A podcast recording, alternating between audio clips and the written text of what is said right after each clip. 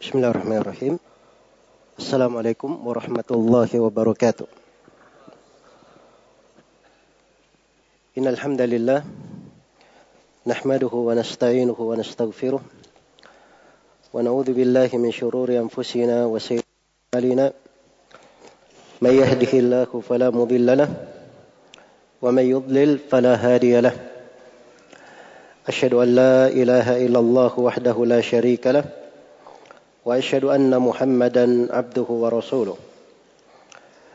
يا أيها الذين آمنوا اتقوا الله حق تقاته ولا تموتن إلا وأنتم مسلمون.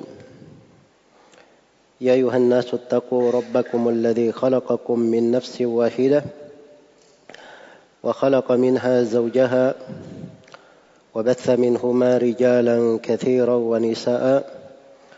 واتقوا الله الذي تساءلون به والأرحام. إن الله كان عليكم رقيبا. يا أيها الذين آمنوا اتقوا الله وقولوا قولا سديدا. يصلح لكم أعمالكم ويغفر لكم ذنوبكم. ومن يطع الله ورسوله فقد فاز فوزا عظيما. أما بعد فإن أصدق الحديث كتاب الله وخير الهدي هدي محمد صلى الله عليه وسلم وشر الأمور محدثاتها فإن كل محدثة بدعة وكل بدعة ضلالة وكل ضلالة في النار. قوم مسلمين دم مسلمات حاضرين حاضرات رحمني ورحمكم الله الحمد لله pada Jumat yang berberkah ini kita dimudahkan oleh Allah Subhanahu wa taala berada di masjid yang mulia ini salah satu rumah dari rumah-rumah Allah Subhanahu wa taala. Semoga Allah Subhanahu wa taala mencatat kebaikan untuk kita semua untuk setiap langkah kita menghadiri majelis ini mengangkat derajat dan menggugurkan dosa dan semoga Allah Subhanahu wa taala menganugerahkan untuk kita ilmu yang bermanfaat dan amalan yang salih dan menjadikan pertemuan ini sebagai pertemuan yang berberkah membawa kebaikan dan manfaat untuk kita semua di dunia dan di akhirat. Sebagaimana saya berterima kasih kepada seluruh pihak yang menjadi sebab terselenggaranya acara ini terkhusus takmir masjid atas kesempatan yang diberikan. Semoga Allah Subhanahu wa taala melipat gandakan pahala dan kebaikan untuk kita semua dan menjadikan kita termasuk orang-orang yang meraih keutamaan di dalam hadis Nabi sallallahu alaihi wasallam man dalla ala khairin falahu ajr ka ajri fa'ilihi. Siapa yang menunjukkan untuk sebuah kebaikan maka dia akan mendapat pahala seperti orang yang mengerjakannya. Kaum muslimin dan muslimat rahimani wa rahimakumullah. Tema pembahasan kita di kali ini sebenarnya bukan tema pembahasan sederhana dan dipelajari oleh seluruh lapisan dan kalangan manusia terkhusus umat Islam di kalangan orang-orang terpelajarnya. Hanya saja kita berada di sebuah masa yang urusan-urusan terkait dengan politik tersebar dengan meluas di tengah manusia terbuka pintu selebar-lebarnya untuk semua orang termasuk orang-orang yang tidak berkepentingan di dalamnya dan juga tidak ada urusan dengan hal tersebut Akhirnya ini menjadi ujian dan cobaan. Menjadi fitnah di tengah manusia. Maka untuk hal yang seperti ini mau tidak mau kita harus menjelaskan dari pijakan-pijakan syariat yang merupakan pegangan di dalam hal-hal yang seperti ini. Dan tentunya di kajian ini saya akan membahasakan dengan bahasa yang mencocoki dengan pertemuan ini dan audiens yang hadir. Semoga Allah Subhanahu wa taala memberikan kemudahan untuk kita semua dan memberikan untuk kita anugerah ilmu yang bermanfaat dan memiliki pijakan-pijakan yang baik di dalam menilai peristiwa-peristiwa yang terjadi di dalam kehidupan. Iya. Dari hal yang ingin saya terangkan di pertemuan ini banyak sudut pembahasan yang mungkin saya akan jelaskan terkait dengan pijakan-pijakan syar'i seputar politik secara syar'i atau di dalam syariat kita. Iya. Dan perlu saya ingatkan bahwa di dalam mencapai kekuasaan masuk menerima tanggung jawab dan amanah itu adalah perkara yang besar di dalam syariat. Iya. Merupakan perkara yang harus ditimbang secara matang oleh setiap muslim dan muslimah. Karena sorga itu, kehidupan akhirat itu, Allah sudah tetapkan jalannya. Diberikan untuk siapa? Allah berfirman, Tilka darul akhirah, naj'aluha yuriduna uluwan fil ardi wala fasada. Wal akibatu lil muttaqin. Itulah kehidupan akhirat. Itulah sorga Allah kami berikan untuk orang yang tidak menghendaki ketinggian di atas muka bumi. Dan kami berikan untuk orang yang tidak menginginkan kerusakan di atas muka bumi. Jadi siapa ingin meraih sorga, ingin kehidupan akhirat berbahagia di sana, ini dua hal harus dia miliki. Yang pertama, dia bukan orang yang menghendaki ketinggian di atas muka bumi. Senang untuk merasa lebih tinggi di atas yang lainnya, bersombong di atas yang lainnya, senang untuk menindas dan merendahkan yang lain. Dan sorga itu tidak diperuntukkan untuk orang yang menghendaki kerusakan kerusakan dalam hal agama, kerusakan terkait dengan darah-darah manusia, kehormatan-kehormatan manusia, kerusakan terkait dengan bumi yang dipijak pada negeri yang dia tempati. Sorga itu tidak diberikan untuk orang-orang yang seperti itu. Iya. Karena itulah dari para khalifah Rasulullah sallallahu alaihi wasallam pemimpin-pemimpin yang merupakan contoh di tengah umat ini dan panutan di segala gelombang fitnah. Di mana Nabi Shallallahu Alaihi Wasallam telah bersabda, "Tainaku mayyish minkum, fasayara ikhtilafan katsira fa alaikum bi sunnati wa sunnatil khulafa'ir rasyidin al-mahdiyyin min ba'di. Abdu 'alaiha bin nawajid." wa iyyakum Kata beliau, siapa di antara kalian yang hidup setelahku, maka dia akan melihat perselisihan yang sangat banyak Nabi terangkan dalam kehidupan ini ada ujian, ada cobaan. Tidak berjalan Begitu saja perahu itu di atas lautan tanpa ada gelombang yang besar. Ada ujian-ujian dan cobaan di dalam kehidupan. Iya. Dikatakan bahwa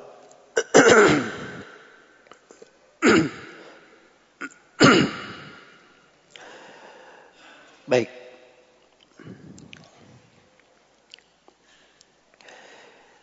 Fa'alaikum bisunnati. Ketika ujian-ujian dan cobaan ini datang, maka apa kata Nabi Sallallahu Alaihi Wasallam? Hendaknya kalian berpegang dengan sunnahku dan sunnah para khulafa ar-rasyidin. Para khalifah rasyidin. Khalifah Rashid itu ada empat. Abu Bakar, Umar, Uthman, dan Ali. Karena Nabi menyebutkan kekhilafaan 30 tahun setelahnya. Iya. Dan itu masa pemerintahan empat khalifah ini. Yang mereka dikatakan Rashidin. Rashidin artinya memiliki ilmu dan beramal dengan ilmu. Al-Mahdiyin. Dan mereka selalu berada di atas hidayah. Maka empat orang khalifah ini semuanya memimpin manusia atas dasar amanah yang dibebankan kepada mereka. Bukan untuk mencari ketinggian, kepemimpinan, dan dunia. Bukan untuk hal tersebut. Iya. Karena itu Abu Bakar As-Siddiq radhiyallahu taala anhu itu tidak meninggalkan khilafah itu kepada keturunannya kepada keluarganya. Bahkan beliau melihat yang paling maslahat untuk manusia. Dan beliau lihat setelahnya tidak ada pemimpin yang layak kecuali Umar ibn Khattab. Maka beliau tunjuk pemimpin setelahku, khalifah setelahku adalah Umar ibn Khattab. Ini yang dikatakan di dalam aturan politik syar'i sebagai walayatul ahad pelimpahan kekuasaan. Dan itu berjalan dari masa ke masa sampai hari ini. Kalau sekarang orang bilang sistem monarki, ya silahkan mau bahasakan bahasa apa saja. Sebagai manusia yang usil kadang apa namanya dianggap dirinya benar, ya dia pikir dengan gaya demokrasi pemilihan yang menghabiskan uang andai kata dibangun padanya satu desa satu kota akan megah kota itu. Ya. Kalau sistem kerajaan sampai berjalan sekarang mereka kritik, lihat saja misalnya seperti di Saudi Arabia. Rajanya meninggal di malam hari, subuhnya sudah ganti raja baru. Ya. Tidak ada pengeluaran biaya besar-besaran, tidak ada juga ribut-ribut di tengah manusia. Ya. Tidak ada menghambur-hamburkan kebencian dan sebagainya. Nah, itu ada syariatnya. Raja menunjuk putra mahkota setelahnya, pengganti setelahnya. Itu sama. Abu Bakar menunjuk siapa? Umar sebagai pengganti setelahnya. Iya. Umar ibn Khattab seperti itu juga. Ketika dikatakan kepada beliau, tidakkah kamu berwasiat agar supaya putramu Ibnu Umar yang menjadi pemimpin? Ya. Kata beliau, saya mau cerahkan kepemimpinan pada seorang lelaki yang tidak pandai mentalak istrinya. Ya, Ibnu Umar pernah keliru ya dalam mentalak istri. Ya. Kemudian kata Umar, cukuplah. Beban di dalam khilafah ini cuman Umar ibn Khattab saya menanggungnya dari keluarga Al-Khattab. Iya. Mereka orang-orang yang bertindak sesuai dengan apa yang terbaik dan bermanfaat untuk manusia. Bukan mencari ketinggian di tengah umat. Demikian pula Uthman bin Affan radhiyallahu taala anhu. Ali bin Abi Thalib radhiyallahu taala anhu. Iya. Orang-orang yang paling zuhud dalam kehidupan dunia. Semoga Allah meridai mereka semua. Karena itu dasarnya ya, dalam tanggung jawab kepemimpinan amanah seorang berhati-hati di dalam mengambilnya. Berhati-hati di dalam mengambilnya. Karena itu diriwayatkan oleh Imam Al-Bukhari dan Imam Muslim dari Abu Sa'id Abdurrahman bin Samurah radhiyallahu taala anhu. Beliau pernah bertutur.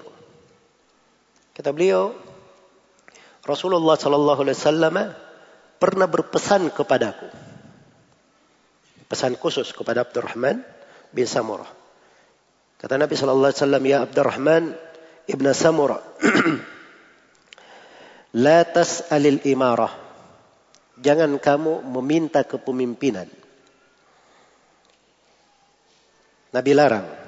jangan kamu meminta kepemimpinan.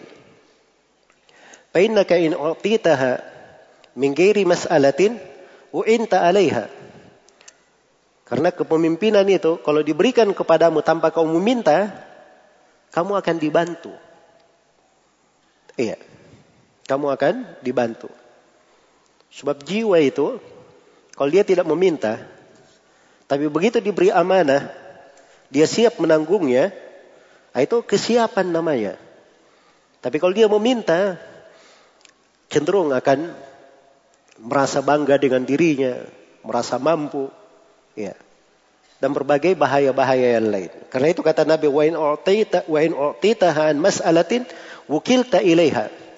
Dan kalau kepemimpinan itu diberikan kepadamu dari permintaan,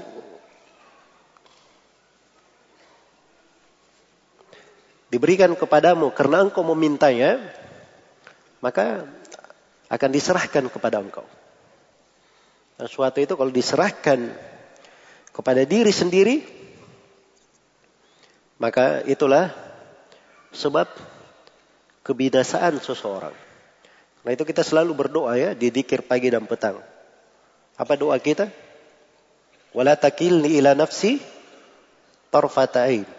Ya Allah janganlah engkau serahkan diriku kepada saya sendiri walaupun sekejap mata. Iya. Baik. Jadi ini pesan Nabi Shallallahu Alaihi Wasallam kepada Abdurrahman bin Samurah radhiyallahu anhu. Di hadits yang lain di riwayat Muslim dari Abu Dar Al-Ghifari radhiyallahu taala anhu Abu Dar berkata Qala li Rasulullah sallallahu alaihi wasallam. Rasulullah sallallahu alaihi wasallam pernah berkata kepadaku, "Ya Abu Dar, araka dha'ifan." Wahai Abu Dar, saya melihat kamu ini lemah. Saya melihat kamu ini lemah. Wa ini uhibbu laka ma uhibbu li nafsi. Dan saya ini cinta untuk engkau apa yang saya cintai untuk diriku? Kata Nabi Shallallahu Alaihi Wasallam. Iya. Maka kata Nabi, la ta'muranna ala ithnaini. Jangan kamu sekali-sekali memimpin antara dua orang. Wala tuwalliyanna mala yatim. Dan jangan sekali-sekali kamu memegang tanggung jawab harta anak yatim. Demikian dalam riwayat Muslim. Iya. Di riwayat lain dari di Sahih Muslim juga dari Abu Dar, Abu Dar pernah berkata kepada Nabi. Abu Dar ternyata yang berkata. Qultu ya Rasulullah, saya berkata, wahai Rasulullah, ala tasta'miluni? Tidakkah engkau mempekerjakan saya? Memberikan jabatan kepadaku? Ya. Ini Abu Dar ya. Datang kepada Nabi minta apa? minta jabatan. Ya. Artinya dipekerjakan dijadikan gubernur kah atau dijadikan dia melakukan kegiatan apa begitu dari hal-hal yang merupakan maslahat umum. Maka kata Budar, "Fadaraba biyadihi ala mangkibi." Maka Nabi sallallahu alaihi wasallam memukul bahuku dengan tangannya. Thumma qala, kemudian Nabi berkata, Ya Abu Dar, wahai Abu Dar, innaka dhaif. Sungguhnya kami ini lemah. Perhatikan ya. Itu sifat kepemimpinan dari Nabi Shallallahu Alaihi Wasallam. Iya. Tidak ada sungkan dalam hal yang seperti ini. Sebab ini bukan masalah yang saya tahu Abu Dhar ini misalnya lemah, tapi oleh Nabi tidak disampaikan karena khawatir menyinggungnya misalnya. Ya. Maka ini akan membawa banyak permasalahan. Apalagi masalah-masalah wilayah terkait dengan banyak orang. Maka Nabi berucap engkau lemah itu bukan mencela Abu Dhar. Tapi untuk mendudukkan masalah itu harusnya bagaimana. Iya. Karena amanah-amanah itu disandang dengan dua syarat. Yang namanya amanah disandang dengan dua syarat. Syarat yang pertama, Disandang dengan kekuatan. Dia memiliki kekuatan. Dan syarat yang kedua, ya, saya ulangi, tanggung jawab, tanggung jawab, itu disandang dengan dua syarat. Syarat yang pertama adalah dengan kekuatan. Dan syarat yang kedua dengan amanah. Dengan amanah. Dan itu disebutkan di dalam Al-Quranul Karim. Iya. Ketika Nabi Musa alaihi salam dipandang oleh Nabi Yakub cocok untuk dinikahkan dengan putrinya dan dia membantu Nabi Yakub selama delapan tahun, maka bahasa yang dibahasakan oleh putrinya, ya abatis ta'jirhu, inna khaira man ista'jartal qawiyul amin. Wahai ayahku, ya, pekerjakanlah dia. Sungguhnya sebaik-baik orang yang engkau pekerjakan adalah orang yang kuat dan orang yang amanah. Itu dua syarat. Punya kekuatan dan punya apa? Amanah kekuatan dalam bentuk keahlian, kemampuan. Abu Dhar ini radhiyallahu taala anhu bukan lemah dari sisi fisiknya. Beliau ikut di dalam berbagai berbagai jihad fi sabilillah Abu Dhar Al-Ghifari radhiyallahu taala anhu. Dan kisahnya masyhur. Bagaimana beliau mengejar keislaman di Mekah. Ya, dipukuli oleh penduduk Mekah Dimaklumi kisah Budar ya. Bukan orang yang lemah dari sudut. Dia tidak memiliki keberanian. Bahkan seorang yang sangat pemberani sekali Abu Dar. Maka lemahnya di sudut lain. Terkait dengan apa? Masalah kepemimpinan. Iya. Karena itu tidak semua orang layak memimpin. Walaupun dia kuat. Walaupun dia punya apa? Punya kemampuan. Ada seorang sahabat yang bernama Bara ibn Malik. Iya. Dia ini ahli di dalam peperangan. Punya kekuatan. Dari jago perang dari masa jahiliyah. Ya, kebiasaan perangnya orang Arab itu sebelum mulai peperangan itu ada namanya mubarazah, duel dulu. Jadi setiap pasukan dia majukan dulu anggotanya masing-masing untuk duel. Ya. Ini Barok bin Malik selalu menjadi wakil pasukan untuk duel. Di seratus kali peperangan tidak pernah kalah. Al-Barok bin Malik ini. Dan Barok bin Malik dia pernah menembus pasukan musuh sendirian. Dia perlihatkan kepada kaum muslimin, kalian tenang saja dulu di situ. Maka dia perangi musuh itu dari depan sampai ke belakang, kemudian dari belakang balik lagi ke depan. Ya. Ada yang meragukan kekuatannya? Tapi Umar berpesan, jangan sekali-sekali Al-Bara bin Malik menjadi pemimpin di tengah pasukan. Karena dia akan menjatuhkan pasukannya ke dalam kebinasaan. Dia tidak cocok jadi pemimpin. Kenapa?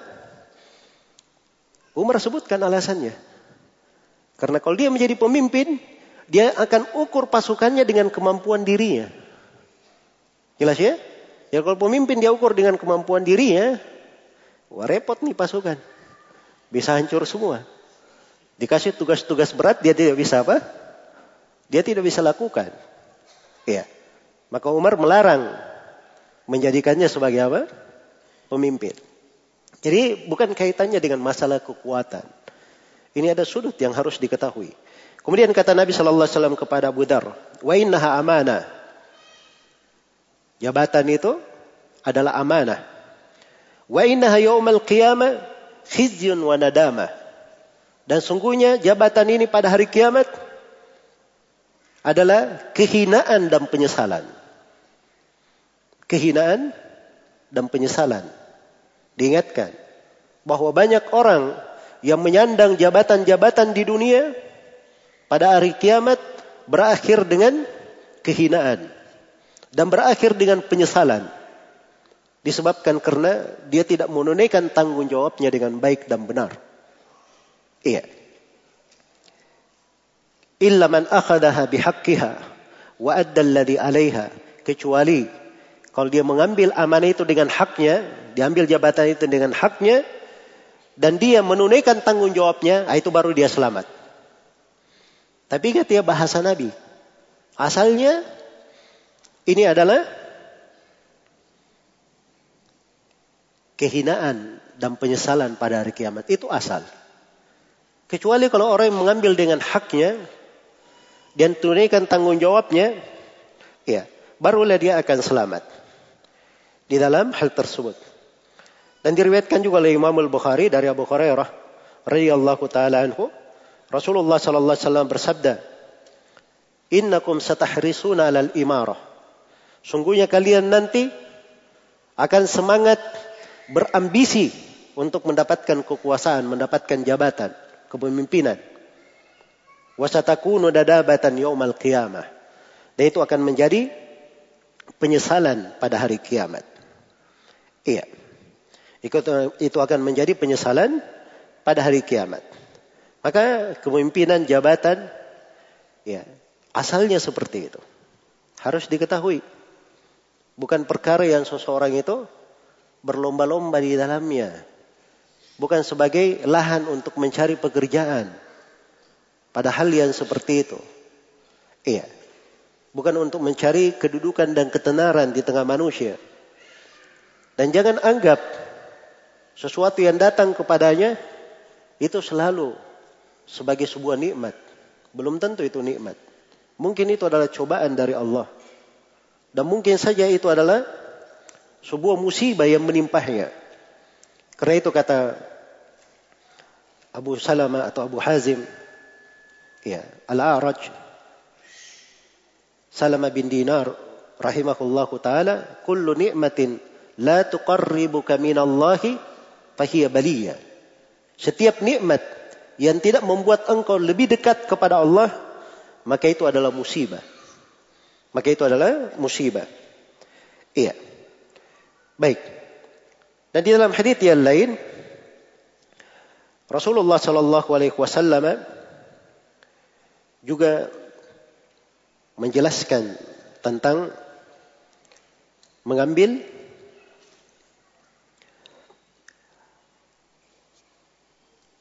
jabatan ini, mengambil kekuasaan ini. Kata Nabi Shallallahu Alaihi Wasallam, "Panikmal murdiah, wabi sal Fatimah." Iya. Jabatan itu dia bagus di dalam memelihara, di dalam merawat, menjaga. Jadi awalnya kalau dia menjabat, dia punya kedudukan, ya dia punya kelapangan. Tapi ingat, wabi sal Fatimah. Tapi akhirnya kalau dia sudah lepas, itu adalah sejelek-jelek kelepasan. Karena akan menjadi tanggung jawab pada hari kiamat, menjadi beban, ada hak-hak yang harus dia selesaikan dan seterusnya. Iya. Maka ini perkara-perkara yang sangat penting untuk diingat.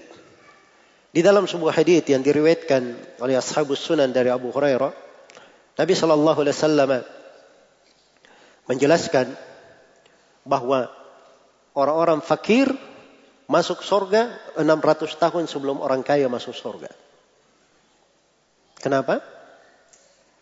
Ada hisap terkait dengan harta-harta. Iya. Terus bagaimana pula dengan orang yang memegang sebuah amanah? Dia membawahi banyak manusia, banyak tanggung jawab di dalamnya. Iya. Dia tidak berpikir untuk ditanya tentang hal tersebut. Maka ini dari hal-hal yang hendaknya diperhatikan. Tapi memang kepemimpinan itu adalah ibadah yang sangat besar, kedudukan yang sangat agung bagi siapa yang menegakkannya dengan benar. Karena itu salah satu dari tujuh golongan yang dituduhi oleh Allah di bawah tuduhan arsh pada hari kiamat. Yang pertama yang disebut oleh Nabi adalah al-imamul adil, seorang pemimpin yang adil. Seorang pemimpin yang adil. Dan bahasa yang adil ini itu ada kaitannya dengan sudut politik di dalam syar'i. Karena politik di dalam syar'i itu hanya dilihat ada dua. Ada politik yang adil dan ada politik yang zalim. Yang adil inilah yang disyariatkan. Dan yang zalim itu yang diharamkan oleh syariat. Itulah yang diharamkan di dalam syariat. Dan para pemimpin yang adil itu dikatakan di dalam hadis Abdullah bin Amr bin As riwayat Muslim, "Innal muqsitina 'inda Allah ala manabir min nur." an yaminir rahman. Sesungguhnya orang-orang yang berlaku adil itu akan berada di atas mimbar-mimbar dari cahaya pada hari kiamat. Berada di kanan Allah Subhanahu wa taala. Iya. Wakil tayyadaihi yamin dan kedua tangan Allah adalah kanan. Siapakah mereka yang adil ini? Dikatakan alladzina ya'diluna fi hukmihim wa ahlihim wa ma wullu. Mereka adalah orang-orang yang berlaku adil pada hukum mereka di tengah keluarganya, dan pada tanggung jawab yang diberikan kepada mereka. Dan diriwayatkan oleh Imam Al-Bukhari dan Imam Muslim. Dari Ma'akil bin Yasar radhiyallahu anhu. Rasulullah sallallahu alaihi wasallam bersabda, "Ma min 'abdin yastarallahu Allahu ra'iyya, thumma lam yahut bi nushiha, illa harrama Allahu alaihi al-jannah." Tidak ada seorang hamba yang Allah berikan kepadanya tanggung jawab Kemudian dia tidak benar. Tidak tulus di dalam menjaga tanggung jawabnya. Kecuali dia tidak akan mencium baunya surga. Tidak mencium baunya surga. Baik.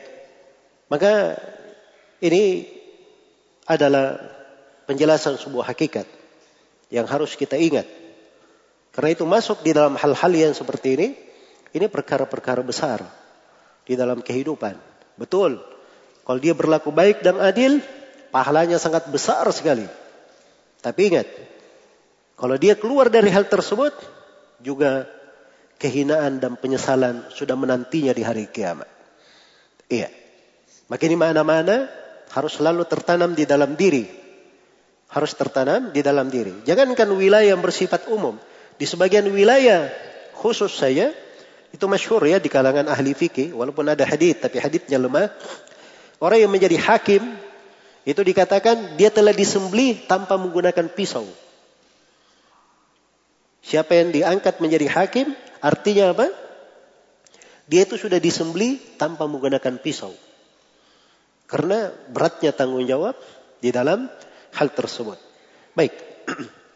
Kemudian yang kedua, yang ingin saya ingatkan di sini terkait dengan masalah definisi politik syar'i. Iya. Apa itu politik secara syar'i? Dia memiliki definisi. Iya. Karena siasa itu adalah kalimat dalam bahasa Arab. Politik ya kalau bahasa Indonesia. Kalau bahasa Arabnya siasa. Ya, siasa. Siasa syariah. Siasa syariah. Kalau kita pakai bahasa syar'i itu lebih mendekati. Baik. Jadi disebut dengan siasa syariah. Apa yang disebut? Apa makna siasa di dalam syariat? Siasa itu dalam bahasa Arab artinya tadbiru syai' wal qiyamu ala umurihi. Pengaturan terhadap sesuatu. Dan menegakkan segala perkara yang memperbaiki sesuatu itu. Itu namanya siasat. Jadi kalau dikatakan siasatul faras, menyiasati kuda, artinya bagaimana dia merawat kudanya dengan baik supaya kudanya ini sehat, ya, bagus di digunakan, bisa ditunggangi, nah, itu disiasati namanya. Jelas ya? Sama dengan hadits Rasulullah sallallahu alaihi wasallam tentang Bani Israel, karena Bani Israel tasusuhumul anbiya. Adalah Bani Israel, mereka disiasati oleh nabinya. Maksudnya, nabinya itu betul-betul menegakkan perkara yang memperbaiki mereka memperbaiki mereka. Jadi itu makna siasat secara bahasa. Iya. Yang siasat secara bahasa ini kembali kepada makna pengaturan terhadap sesuatu, memperbaiki sesuatu, atau menegakkan hal-hal untuk memperbaiki dari sesuatu tersebut. Iya. Baik. Adapun secara makna syar'i, Para ulama rahimakumullahu taala memberikan definisi-definisi tentang syiasa. Di antara definisi adalah apa yang disebutkan oleh Abu Hamid Al-Ghazali rahimahullahu taala. Beliau katakan as-siyasa adalah istislahul khalqi biirsyadihim ila tariqil munji fid dunya wal akhirah. Siasa itu yang namanya politik, siasa adalah memperbaiki makhluk dengan jalan mengajak mereka ke jalur yang menyelamatkan mereka di dunia dan di akhirat. Itu yang disebut siasa. Iya. Dalam definisi Abu Hamid Al-Ghazali rahimahullahu taala. Baik. Dan ini definisi yang indah ya. Apa yang disebutkan oleh Al-Ghazali rahimahullahu taala dari definisi siasa. Iya. Dan ini termasuk definisi-definisi yang sangat indah. Menggambarkan bagaimana politik itu secara syar'i. Jadi politik itu bagaimana memperbaiki makhluk. Dengan mengajak mereka. Memberi petunjuk kepada mereka. Memberi petunjuk kepada mereka. Pada hal-hal yang bisa menyelamatkan mereka di dunia dan di akhirat. Ya. Pada hal yang bisa menyelamatkan mereka di dunia di, dan di akhirat. Jadi itu disebut siasa di dalam istilah syariat kita. Baik, itu satu definisi ya dari Abu Hamid Al-Ghazali rahimahullahu taala. Ibnu Al-Qayyim rahimahullah menyebutkan definisi yang lain. Beliau menukil dari Abu Wafa Ibnu Akil Al-Hambali rahimahullahu taala. Ibnu Akil memberikan definisi yang bagus tentang siasa. Kata beliau, as-siyasa makana fi'lan yakunu ma'ahu nasu aqraba ila salah wa ab'ada anil fasad. Siasa itu, politik itu apa? Apa yang merupakan perbuatan, tindakan yang dengan hal tersebut manusia lebih dekat kepada kemaslahatan dan lebih jauh daripada kerusakan. Itu yang disebut politik. Siasa dalam istilah syar'i. Dan kata Ibnu Akil, wa il wa illam yasna'hu rasul wala nazala bihi wahyi. Walaupun politik itu tadi, tindakan itu tadi tidak pernah dilakukan oleh Nabi dan tidak ada wahyu yang menjelaskannya. Tidak ada wahyu yang menjelaskannya. Iya. Karena saya nanti akan terangkan ya pembahasan politik syar'i itu itu dua jenis. Dasarnya ada dua. Ada yang bersumber dari wahyu, dan ada yang bersumber dari ijtihad. Ada yang bersumber dari apa? Ijtihad. Nah, ini maksudnya Ibnu Akil walaupun itu berasal dari ijtihad. Ya, Nabi secara langsung tidak melakukan. Tidak ada ayat secara khusus menjelaskannya. Tetapi ada kaidah-kaidah umum di dalam syariat yang menerangkannya. Dan tidak ada larangan di dalam syariat tentang hal itu. Jelas ya? Jadi itu yang dimaksud dengan siasa. Saya beri definisi-definisi ya. Biar lebih luas memahami. Itu di madhab hambali. Al-Ghazali itu madhabnya syafi'i. Ya, saya beri satu lagi definisi orang syafi'i ya. Karena berhubung kita di Indonesia orang syafi'i ya. ya saya kasih dua. Kata Al-Bujairami rahimahullahu ta'ala. Siasa itu islahu umurir ra'iyah wa tadbir umurihim. Siasa artinya memperbaiki perkara-perkara rakyat dan mengatur urusan-urusan mereka. Itu siasa. Di definisi ulama Syafi'iyah. Definisi berikutnya dari ulama Hanafiyah. Iya. Dari ulama Hanafiyah. Kata Ibnu Abidin rahimahullahu taala siasa ya adalah istislahul khalq biirsyadihim ila tariqil ila tariqil munji fid dunya wal akhirah. Ini sama ya dengan definisi Al-Ghazali tadi. Memperbaiki makhluk dengan menunjuki mereka ke jalan yang menyelamatkan mereka di dunia dan di akhirat. Iya. Maka tampak dari sini ya, apa maksud dengan politik itu, siasa itu. Dan ini bukan politik yang biasa kita kenal. Iya. Ya kalau politik dalam artian yang biasa kita kenal, maaf-maaf saja ya. Ya orang-orang yang belajar agama itu belum politikus dari mana itu. Ya. Dan bukan orang yang sibuk dengan politik yang seperti itu. Politik dalam artian Ya sampai orang saja kalau misalnya ada orang yang punya akal bulus, ya kadang dia bahasakan, oh tinggi juga politik orang ini. Ya, jadi akal bulus kadang dibahasakan untuk apa? Untuk kata politik.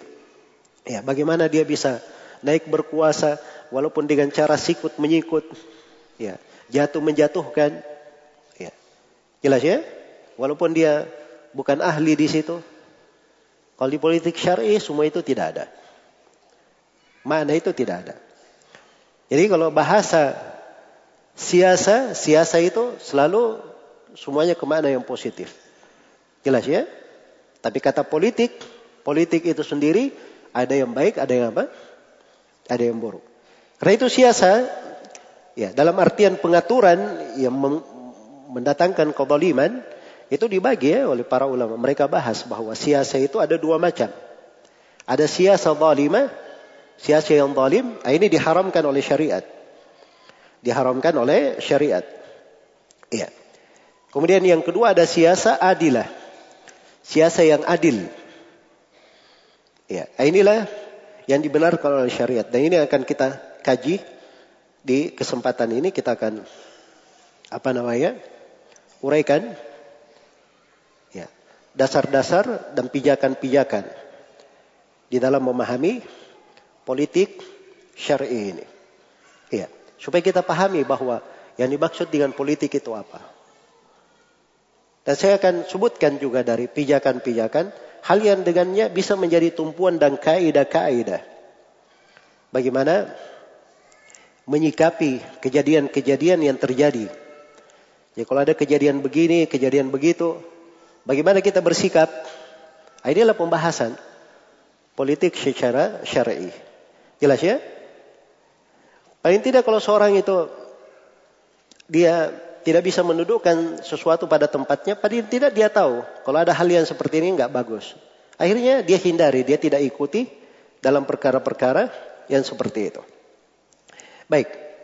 Kemudian yang ketiga yang perlu saya terangkan di sini bahwa politik syar'i, siasa syariah itu secara garis besar dibangun di atas dua dasar. Dibangun di atas dua pondasi. Politik syar'i secara garis besar dibangun di atas apa? Dua pondasi. Pondasi yang pertama adalah memahami nas-nas dari Al-Quran dan Sunnah Rasulullah Sallallahu Alaihi Wasallam. Iya. Itu pondasi yang pertama. Dibangun di atas nas dari Al-Quran dan Sunnah. Ijma dan sumber-sumber pendalilan yang ada di dalam syariat. Ya. Karena itu seorang kalau masuk di pembahasan politik secara syar'i dia harus menjadi ulama dulu. Menjadi seorang alim. Ya. Nah, dengan itu dia bisa menegakkan keadilan. Dia bisa berjalan di atas asyasa asyariyah. Ya, karena di antara bentuk siasa syariah ada yang sudah diatur aturannya dalam nas Al-Qur'an, hadis Rasulullah sallallahu alaihi wasallam. Ada aturannya disepakati oleh para ulama. Ya. Ada kias dalam hal tersebut. Kadang dipakai uruf Kadang dipakai masalih al-mursalah. Ya. Kadang dilihat, ditinjau dari sudut saddud daria, menutup segala pintu kepada kejelekan. Dibangun di atas maqadi sudut syariah, pokok-pokok pensyariatan, dan yang semisal dengannya. Baik itu sudut yang pertama. Dasar garis besar yang pertama, yang politik itu dibangun di atasnya. Kemudian yang kedua, garis besar yang kedua, di pembahasan politik syar'i adalah menurunkan Atau mendudukkan nas-nas itu pada kejadian-kejadian yang terjadi. Masalah-masalah yang baru kelihatan. Iya. Ini dasar yang kedua. Di dalam pembahasan politik syar'i. Jadi yang pertama tadi dibangun di atas nas Al-Quran dan As-Sunnah itu sudah jelas ya semuanya. Sudah terang apa yang harus dilakukan. Yang kedua ada masalah-masalah kekinian. Perkara-perkara baru terjadi. Perkara-perkara baru terjadi. Iya. Maka bagaimana menyikapi perkara-perkara yang baru terjadi ini? Bagaimana mendudukkannya, memetik hukum darinya dari arah maqasidus syariah. Ya, dia memahami fikih tentang realita atau kenyataan yang terjadi. Kemudian dia punya fikih, kekuatan dan kelemahan, pandai dia mengukur kekuatan dan kelemahan. Dia punya i'tibar al-ma'alat, bisa memperhitungkan apa akibat dari apa yang dia lakukan. Ya. Ini dua dasar di dalam siasa syariah. Memang dibangun di atas hal itu. Nah, ini kalau sudah dipahami, kita berpindah ke masalah yang keempat. Tidak ada yang berbicara di dalam politik syariah kecuali orang yang berilmu. Itu kaidah di dalam syariat. Allah Subhanahu wa taala yang menerangkannya di dalam Al-Qur'an. Allah berfirman, "Wa idza ja'akum amrun minal amni awil khawfi ada'u bih." walau radduhu ila rasuli wa ila ulil amri minhum la alimahu alladhina minhum apabila datang kepada mereka sebuah perkara yang mengandung keamanan atau mengandung kekhawatiran mereka langsung menyebarkannya ini masalah manusia politik seperti ini semua jelas ya ada yang memberi janji Hah? Ada yang memberi kabar gembira, ada yang mengancam, ini kita akan begini, akan begini, akan terjadi kerugian, akan terjadi begini dan begitu. Ini kan berita-berita semua ini, arah politik berputar di sini. Ini ayat turun kaitannya dengan para sahabat dalam sebuah masalah. Tahu masalah apa? Masalah mereka menyebarkan berita bahwa Nabi mentalak istri-istrinya. Jelas ya? Jadi tersiar berita bahwa Nabi mentalak semua istrinya. Ini menjadi masalah besar. Istri-istri Nabi itu ibu-ibu kaum mukminin dalam hukum syariat. Ya. Coba bayangkan ya, kalau ibu seseorang misalnya seorang itu ibunya ditalak oleh ayahnya, kira-kira si anak ini bagaimana? Hah? Ya, pasti resah, gelisah kan begitu. Ini menjadi masalah besar di tengah para sahabat. Sampai datang orang ke rumah Umar bin Khattab, mengetuk pintunya dengan sangat kerasnya. Umar kaget. Umar sangka ada pasukan musuh yang menyerang.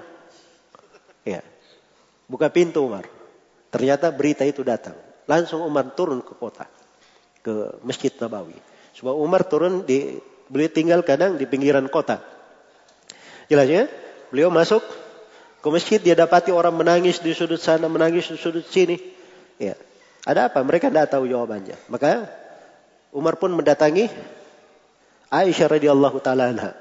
Orang yang paling dekat kepada Nabi. Dia tanya ada apa? Aisyah sedang menangis. Kata Aisyah jangan tanya saya, tanya kepada putrimu sendiri. Ya. Maka datanglah Umar kepada Hafsah. Akhirnya Umar mendatangi Nabi Shallallahu Alaihi Wasallam. Jelas ya? Lihat masalah itu bagaimana diterapi oleh Umar. Ya. Dia jumpai Nabi dalam keadaan mukanya ya, berliput kemarahan. Maka Umar pun bercerita kepada Nabi, bertanya sampai Nabi cerah kembali, berseri-seri. Ya. Setelah itu Umar baru bertanya, "Ada apa ya Rasulullah?" Katanya engkau mentalak istri-istrimu. Kata Nabi tidak, saya tidak mentalak mereka. Saya hanya melakukan ila. Bersumpah tidak mendekati istri-istri beliau selama satu bulan. Itu yang beliau lakukan. Dan itu bukan talak. Jelas ya? Jadi rupanya berita yang tersebar, berita apa? Berita yang kurang tepat. Sudah membuat orang menangis di sana sini. Ya, sama dengan sekarang ini berita-berita hoax. Hah? Sudah terjadi begini. Apalagi kalau ada berita-berita gempa itu. Wah kasihan juga itu satu kota kadang tidak tidur di rumah. Iya. Jelas ya? Maka para sahabat ketika datang kejadian seperti ini, mereka langsung sebarkan. Allah tegur. Ini ayat khusus. Teguran. Diabadikan dalam Al-Quran supaya menjadi pelajaran untuk kita semua. Kaidah. Allah berfirman, Walau radduhu ila rasul. Andai kata berita itu, mereka kembalikan kepada rasul. Tanya dulu. Kembalikan kepada Nabi. Wa ulil amri minhum. Dan kepada ulil amr di tengah mereka. Ulil amr ini orang-orang yang berakal. Orang yang berilmu. Itu pun bukan semuanya dikatakan minhum di antara mereka. Orang-orang khusus. Jelas ya? Bukan semuanya. La alimahul ladina yastambitunahu minhum. Maka itu bisa diketahui oleh siapa yang bisa istimbat darinya. Karena itu kekeliruan besar di dalam masalah-masalah politik, urusan-urusan yang terkait dengan kenegaraan banyak orang, kemaslahatan manusia, kemudian semua orang tahu. Itu tidak benar seperti itu. Ada strategi-strategi di dalam tegaknya sebuah negeri, itu hanya diketahui oleh orang-orang tertentu. Dan itu untuk kemaslahatan mereka diyakini. Jelas ya? Coba bayangkan ya, kalau seorang pemimpin mau berperang, tiap kali mau berperang dia cerita dulu, saya mau berperang ke sini, ke situ. Sudah bocor ke musuh beritanya. Ya. Jelas ya? Maka hal-hal yang seperti ini itu tidak dibenarkan. Iya. Cuma sekarang ini sampai kepada kadar yang melampaui batas. Kenapa? Karena dasarnya di dalam pengaturan politiknya bukan secara syar'i, tapi untuk mencari simpati manusia, tebar pesona. Ya. Dilihat apa yang sedang dia kerjakan dan seterusnya. Nah, ini hal-hal yang keliru. Perlu diperbaiki. Jelas ya?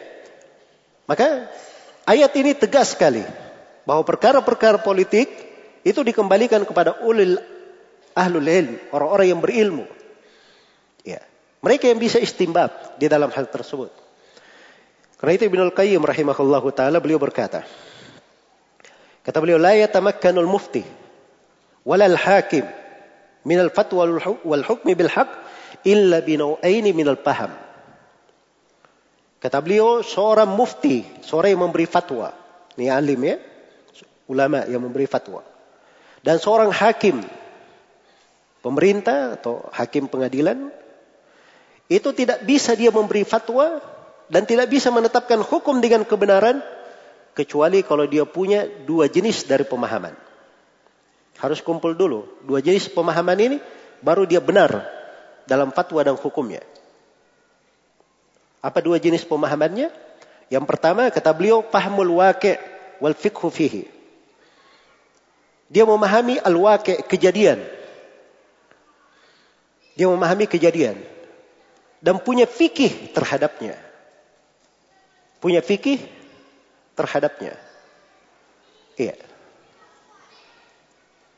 Punya fikih terhadapnya. Jadi ini yang pertama. Kata Ibnu Al-Qayyim, "Wastimbat ilmi hakikati ma waqa bil qara'ini wal imarat wal alamat hatta yuhita bihi ilman." Dan dia pandai memahami hakikat yang terjadi dengan indikasi-indikasi, tanda-tanda, alamat-alamat Sampai dia tahu masalah sebenarnya apa. Ini keahlian ya. Harus dia pahami dulu. Yang kejadi itu apa? Yang terjadi. Dia harus punya dua jenis pemahaman ini. Karena itu tidak sembarang masuk di dalam bidang yang seperti ini. Jangankan kita, ada hal-hal yang kadang luput terhadap siapa? Umar ibn Khattab radhiyallahu taala anhu. Ya.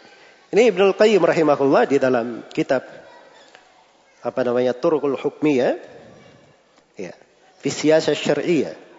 Ini beliau sebutkan berbagai kisah dari apa namanya? dari para sahabat dan selainnya bagaimana keahlian mereka di dalam memetik hukum-hukum memahami kejadian dengan indikasi.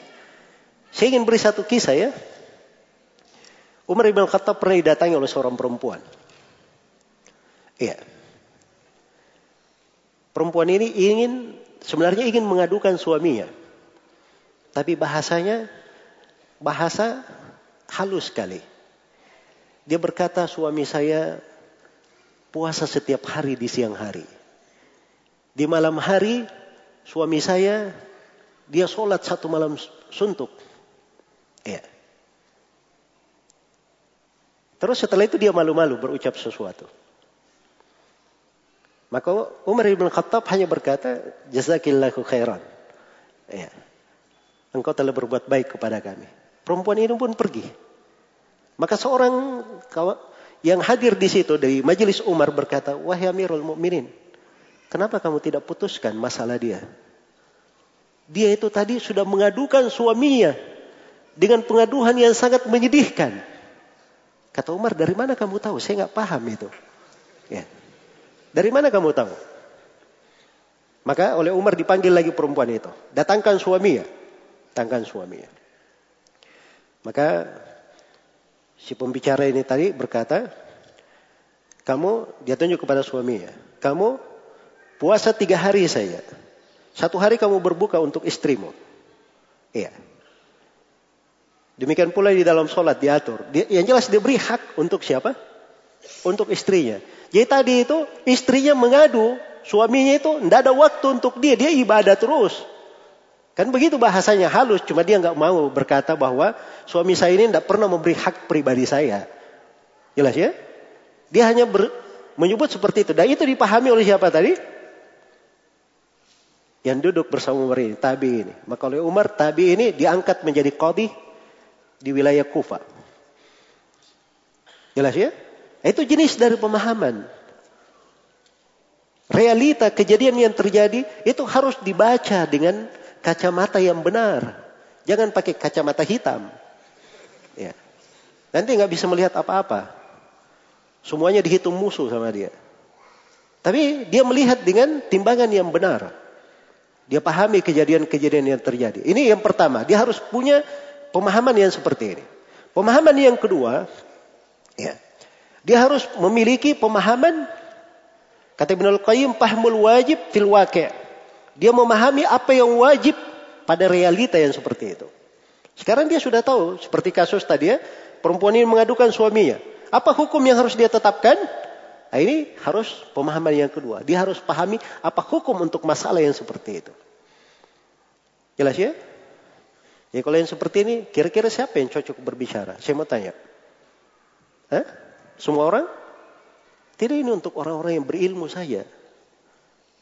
Yang punya tugas dan wewenang yang seperti ini. Jelas ya? Karena itu tidak cocok. Semua orang, dia cuma tahu wakil saja. Betul kadang seorang alim itu dia tidak baca koran. Dia tidak lihat televisi. Dia tidak baca juga berita-berita di internet. Iya. Sehingga kadang sebagian anak muda itu, oh saya lebih mengerti dari si alim ini. Alim ini gaptek dia.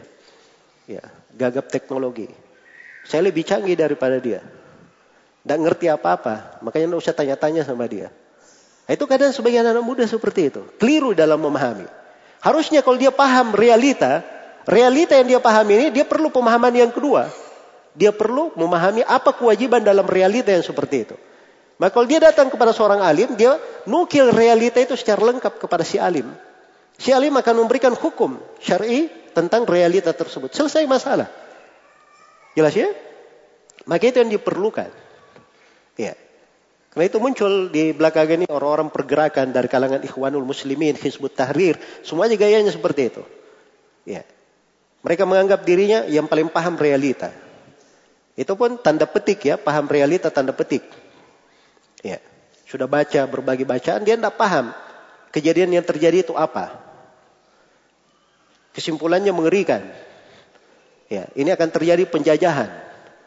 Akan terjadi apa namanya? penjualan besar-besar terhadap negara dan apa namanya? negeri Indonesia. Masya Allah bahasa-bahasa besar sekali. Padahal sebagian hal di dalam hal tersebut itu perkara-perkara kalau mereka duduk dengan pihak yang berwenang, mungkin bisa diterangkan. Apa masalah-masalah yang dibahas? Jelas ya? Dan itu sudah terjadi dari masa dahulu. Karena itu ada sebagian sahabat yang datang kepada Muawiyah. Dia sudah menyimpan hal yang ingin dia tegur Muawiyah dengannya. Ya. Maka begitu ketemu dengan Muawiyah radhiyallahu taala anhu, ternyata sahabat ini baru menyadari bahwa dia keliru di dalam hal tersebut. Keliru di dalam hal tersebut. Tapi dari keindahan sahabat ini, dia datang langsung. Bukan berkuar-kuar sana sini. Ya. Bikin status. Bikin apa namanya? siaran pers. Bikin acara. Tidak. Sama dengan Umar di kejadian Hudaybiyah. Ya. Sikap politik Nabi Shallallahu Alaihi Wasallam di perjanjian Hudaybiyah itu tidak disetujui oleh Umar. Salah satu poin perjanjian di Hudaybiyah, setiap muslim yang masuk Islam di Mekah, lalu dia lari ke Medina, maka itu wajib dikembalikan di Mekah. Wajib dikembalikan ke mana? Ke Mekah. Makanya Umar berkata, Ya Rasulullah, ya, bukankah engkau Nabi Allah? Kata Nabi ya. Terus, kenapa kita menerima kehinaan di dalam agama kita? Bukankah kalau kita berperang dengan mereka yang mati di tengah kita mati syahid dan mereka di neraka? Kata Nabi iya.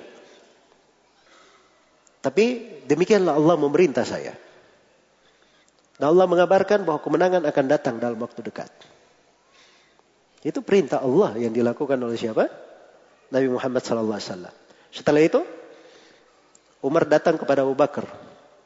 Abu, Abu, dia berkata hal yang sama. Kata Abu Bakar, ayuhar rajul, wahai kamu. Beliau itu Rasul Allah. Ya. Demikian dia diperintah. Maka setelah itu, setelah perjanjian Hudaybiyah, kan turun ayat Inna fatahna laka fathan mubina. Itu menjadi sebab kemenangan yang tidak terduga untuk umat Islam sehingga mereka menaklukkan apa? Menaklukkan Mekah. Dari perjanjian Hudaybiyah inilah, ya, proses Nabi menaklukkan Mekah menjadi lebih mudah dan lebih indah. Makanya disebut kemenangan apa? Kemenangan yang sangat besar. Hal-hal yang seperti ini kadang terlihat pahit. Wah ini masa kita terima perjanjian tidak boleh masuk ke Mekah untuk umroh tahun ini. Kita terima perjanjian saudara-saudara kita kaum muslimin kalau datang ke Medina harus kita kembalikan. Bahkan waktu itu didatangkan Abu Jandal dalam keadaan terbelenggu dengan besi. Tapi oleh Nabi Shallallahu Alaihi Wasallam cuma dinasihati bersabar. Iya. Kemudian dikembalikan lagi ke Mekah. Hal-hal yang pahit seperti ini kelihatannya seperti itu di kasat mata. Tapi di belakangnya ada pertimbangan-pertimbangan syar'i. Ya, itu sudut politik namanya. Tidak kelihatan pada semua orang. Jelas ya? Makanya jangan ingin menjadi pengamat-pengamat politik amatiran. Ya. Baru mengerti satu atau dua, biasanya cuma baca-baca berita, terus pandai komentar di sana sini. Ya. Itu saya ibaratkan seperti para penonton sepak bola itu. Jago komentar. Kalau dia paling ramai memang penonton sepak bola, paling banyak komentarnya. Ya. Tapi coba kalau dia bermain. Ya. Dia nggak bisa main seperti itu. Jelas ya? Karena itu seorang harus tahu kadarnya masing-masing. Ya, harus dia mengerti fungsinya masing-masing. Baik. Karena itu sekali lagi pembahasan tentang masalah-masalah yang seperti ini itu tidak ada yang berbicara kecuali orang yang berilmu. Di salah-salah pembahasan tentang jihad, Syekhul Islam Ibn Taimiyah memberikan kesimpulan. Kata beliau, "Fal khulasa al-kalamu fi misli hadhihi ad-daqaiq min wadhifati khawas ahli al-ilm." Kata beliau kesimpulannya, berbicara pada masalah-masalah detail yang seperti ini, itu dari tugasnya orang-orang khusus para ulama. Orang-orang khusus di kalangan para ulama. Jelas ya? Betul bahwa seorang alim itu, dia tidak mesti menjabat sesuatu. Tapi si alim itu mengerti hukum-hukum syar'i. Iya. Terangkan kepada dia masalah. Nukil kepada dia realita. Maka dia akan menghukumi realita dengan apa?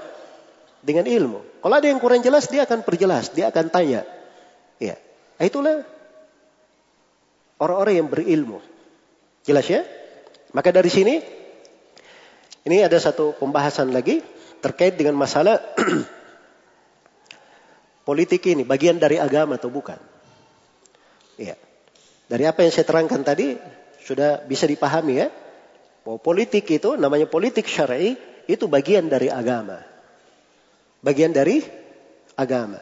Karena itu Nabi Shallallahu Alaihi Wasallam di dalam hadit-haditnya itu harus dipahami. Ini fikih di dalam memahami hadit. Ketika Nabi memerintah sesuatu, beliau memerintahnya sebagai seorang nabi atau sebagai kepala negara. Itu beda di dalam petikan-petikan hukum. Jelas ya? Ada hal-hal yang diperintah oleh Nabi sebagai kepala negara, sebagai kepala negara, itu memberikan hukum tertentu. Seperti suatu hari Nabi Shallallahu Alaihi Wasallam melewati para sahabat. Mereka sedang membenahi pohon kurmanya, mau dikawinkan. Ditalkih kalau bahasa Arabnya ya, supaya kurma itu bisa matang, bisa tumbuh dengan baik. Itu ada caranya ya. Maka Nabi begitu lewat, beliau berkata, andai kata kalian berbuat begini dan begitu, diarahkan. Ternyata para sahabat ikuti arahan Nabi Shallallahu Alaihi Wasallam tidak berhasil. Datang kepada Nabi. Kata Nabi, antum alamu bi umuri duniaku. Kalian lebih tahu tentang perkara dunia kalian. Jelas ya? Ini sudut pembicaraan diucapkan oleh Nabi. Ini posisi beliau adalah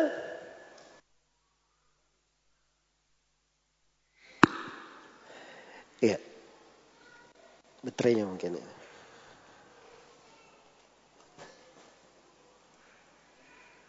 Baik, baterainya bagus. Jadi posisinya beliau sebagai kepala negara. Ya, namanya kepala negara itu tidak mesti dia mengerti setiap masalah sampai yang kecil. Nah disyaratkan kepada kepala negara itu dia harus ahli di semua bidang. Ya, sebab itu belum pernah tercatat di dalam sejarah ada kepala negara dia ahli agama, ahli teknologi misalnya, ahli pertanian, ahli perkebunan, ya. Kemudian ahli di peternakan, ahli di perikanan, ya. ahli di kedokteran. Ahli teknik, ya. sebut aja semua jenis keahlian. Itu tidak mungkin terkumpul pada satu orang. Jelas ya? Kepala negara, dia mengerti. Ketika terjadi sesuatu, dia beri apa untuk sesuatu itu. Ya. Dia perlu sesuatu, dia padangkan ahli-ahli pada sesuatu itu untuk dibahas. Kemudian dia memberikan keputusan apa yang selayaknya, yang maslahat bagi manusia. Ya. Jelas ya? Baik. Nah, demikian pula orang-orang yang berilmu. Ketika mereka berada di sekitar misalnya pemimpin, pemerintah. Kalau pemerintah di masa dahulu itu, Khulafa Rashidin, mereka mengumpulkan antara ilmu dan keahlian. Mereka ahli ilmu, dan mereka juga ahli di dalam politik. Jelas ya? Ahli dalam politik. Tapi belakangan muncul pemimpin-pemimpin. Dia punya keahlian di politik. Tapi tidak punya keahlian di mana? Di agama. Maka dia gandeng para ulama berada di sekitarnya. Kekuasaannya menjadi baik. Kekuasaannya menjadi apa? Menjadi baik. Ya, tapi yang menjadi masalah apabila hal-hal yang terkait dengan politik ini dipisahkan dari agama. Ya. Maka itu pasti akan mendatangkan apa? Kehancuran di tengah manusia. Baik, ini mungkin saya akan lebih terangkan lagi nanti ya. Sudut-sudut dan cara memandang dan bagaimana kriteria politik syariah itu. Tapi secara umum, ya, siasah syariah itu bagian dari agama bagian dari agama. Ilmu khusus. Ada buku-bukunya. Ditulis oleh para ulama. Ada pelajaran-pelajarannya. Dan pelajaran-pelajaran politik syariah itu bukan pelajaran pemula atau tingkat menengah. Itu pelajaran tingkat tinggi. Iya. Di dalam pembahasan ilmu agama. Jelas ya? Karena itu ada pembahasan-pembahasan terkait dengan hal tersebut. Maka di sini Pembahasan ini menyeret kita kepada satu pertanyaan. Apa hukumnya berbicara politik di dalam masjid? Hah? Kalau berbicara politik dalam artian apa yang saya terangkan sekarang ini, itu memang bagian dari agama. Ayat-ayat dan hadit-hadit yang dibaca. Jelas ya? Pembahasan politik saya akan terangkan misalnya ketaatan kepada pemerintah dalam hal yang ma'ruf. Bagaimana menciptakan kemaslahatan di tengah manusia. Hal-hal yang seperti ini ya, adalah hal yang diperlukan. Itu bagian dari agama. Tapi kalau politik di dalam masjid dalam artian kamu pilih nomor berapa. Ya, siapa yang kamu pilih. Jangan pilih si anu, si pilih itu. Memang itu bukan tempatnya di masjid. Masjid tidak diletakkan untuk hal yang seperti itu. Jelas ya? Apalagi kalau di dalam masjid dibahasakan dari permusuhan-permusuhan. Kalimat-kalimat yang mengandung kebencian. Maka ini perkara-perkara yang tidak diperbolehkan. Baik. Kemudian saya akan uh, memberikan gambaran-gambaran ya. Mungkin agak uh, mendetail sedikit. Tapi saya akan mencoba untuk memudahkan dengan contoh-contoh dan kasus-kasus yang ada di dalam syariat kita. Baik, saya akan terangkan di sini pembahasan berikutnya terkait dengan sumber-sumber pengambilan politik secara syar'i itu dari mana. Iya. Baik. Ini disebut dengan nama al-masadir. Iya. Masadir as-siyasa asy-syar'iyyah, sumber-sumber pengambilan politik syar'i. Dari mana hal tersebut diambil? Iya. Baik. Apa sumber-sumbernya? Yang pertama sumbernya politik syariah itu dari Al-Quran. Itu ada dalam Al-Quran. Allah subhanahu wa ta'ala berfirman kepada nabinya, Inna anzalna ilaikal kitaba bil haq litahkuma bainan nasi bima araka Allah. Sungguhnya kami menurunkan kepada engkau Nabi Muhammad Alkitab dengan kebenaran supaya kamu jadikan hukum di tengah manusia sesuai dengan apa yang Allah tampakkan kepadamu, sesuai dengan apa yang engkau pandang di dalam hal tersebut. Iya. Baik. Karena itu di dalam apa namanya? Di dalam Al-Qur'anul Karim ya. Ini sumber pokok ya di dalam politik syariah. Karena di dalam Al-Qur'anul Karim itu diterangkan tentang bagaimana Islam itu secara umum Bagaimana Islam itu secara umum mengatur kehidupan manusia. Iya. Mengatur kehidupan manusia. Di dalam Al-Quran ada hukum-hukum penjelasan tentang kejadian-kejadian kriminal dan bagaimana sanksi atau hukuman terhadapnya. Itu diterangkan di dalam Al-Quran. Ada hukum untuk orang yang membunuh, ada hukum untuk orang yang mencuri, ada hukum untuk orang yang berzina, ada hukum untuk orang yang minum khamar, ada hukum uh, apa namanya afwan, ada hukum terkait dengan orang yang berbuat kerusakan di atas muka bumi. Ada hudud diterangkan hukum-hukum. Ya, di pembahasan muamalah juga dijelaskan terkait dengan interaksi di tengah manusia, terkait dengan masalah harta. Ada hukum-hukum diterangkan di dalam Al-Quran. Bagaimana pengaturan politik seputar harta itu. Karena itu ada pembahasan zakat. Ya. Dan negara itu tidak akan tegak dengan baik sebuah negeri kecuali kalau dia punya politik yang bagus terhadap penempatan zakat. Sebab zakat itu sumber ekonomi umat, sumber kekuatannya. Iya. Karena itu seperti negeri kita ini tidak memakai peraturan-peraturan seputar zakat ya di dalam perekonomian akhirnya mengalami kesulitan di, di sana sini. Coba kalau di, dijadikan, dikelola dengan baik, ya dan diperhatikan hukum-hukum syar'i di dalamnya, ya itu pasti akan membawa keberkahan dan akan menjadi jaminan kebaikan di tengah manusia. Jelas ya? Ya. Nabi dan para sahabat itu di Medina, kalau dilihat dari sumber alam, kekayaan alam, itu tidak begitu banyak. Ya. Jelas ya? Tapi kenapa mereka bisa berjaya? Kenapa ditakuti oleh musuh-musuhnya? Ya. Satu bulan sebelum mengarah kepada musuh sudah gentar musuh di sana. Ya. Ini sudut-sudut harus dipelajari. Dari mana pokok-pokok kekuatannya.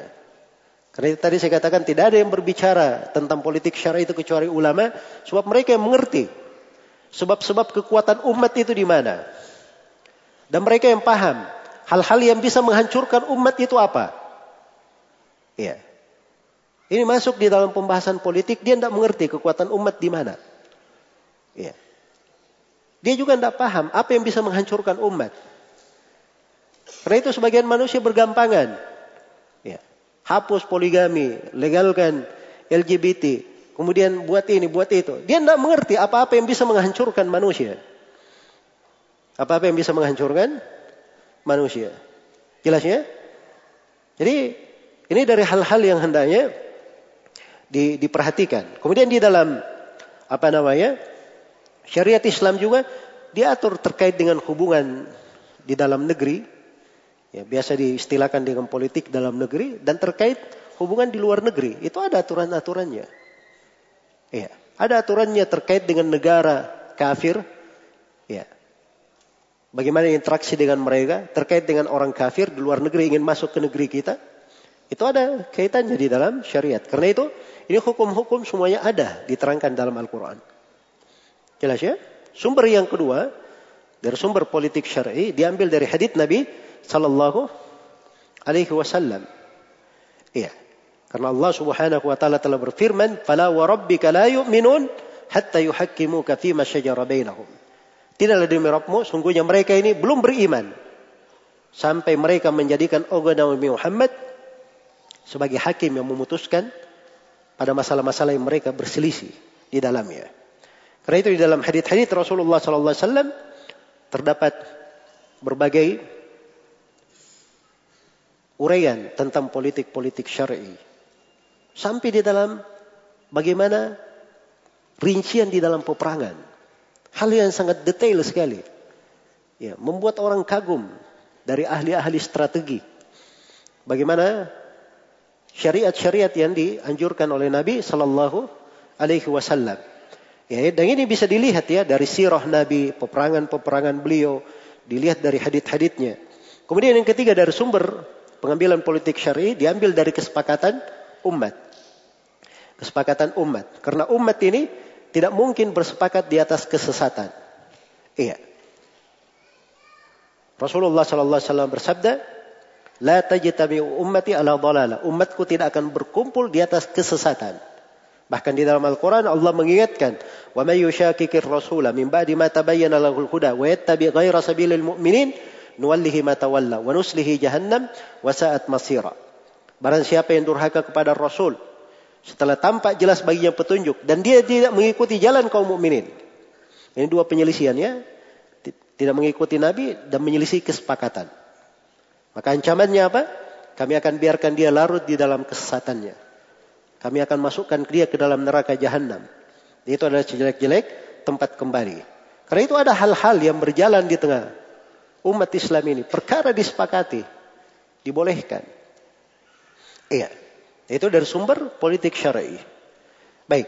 Kemudian yang ketiga atau sumber yang keempat adalah ijtihad. Diambil dari ijtihad.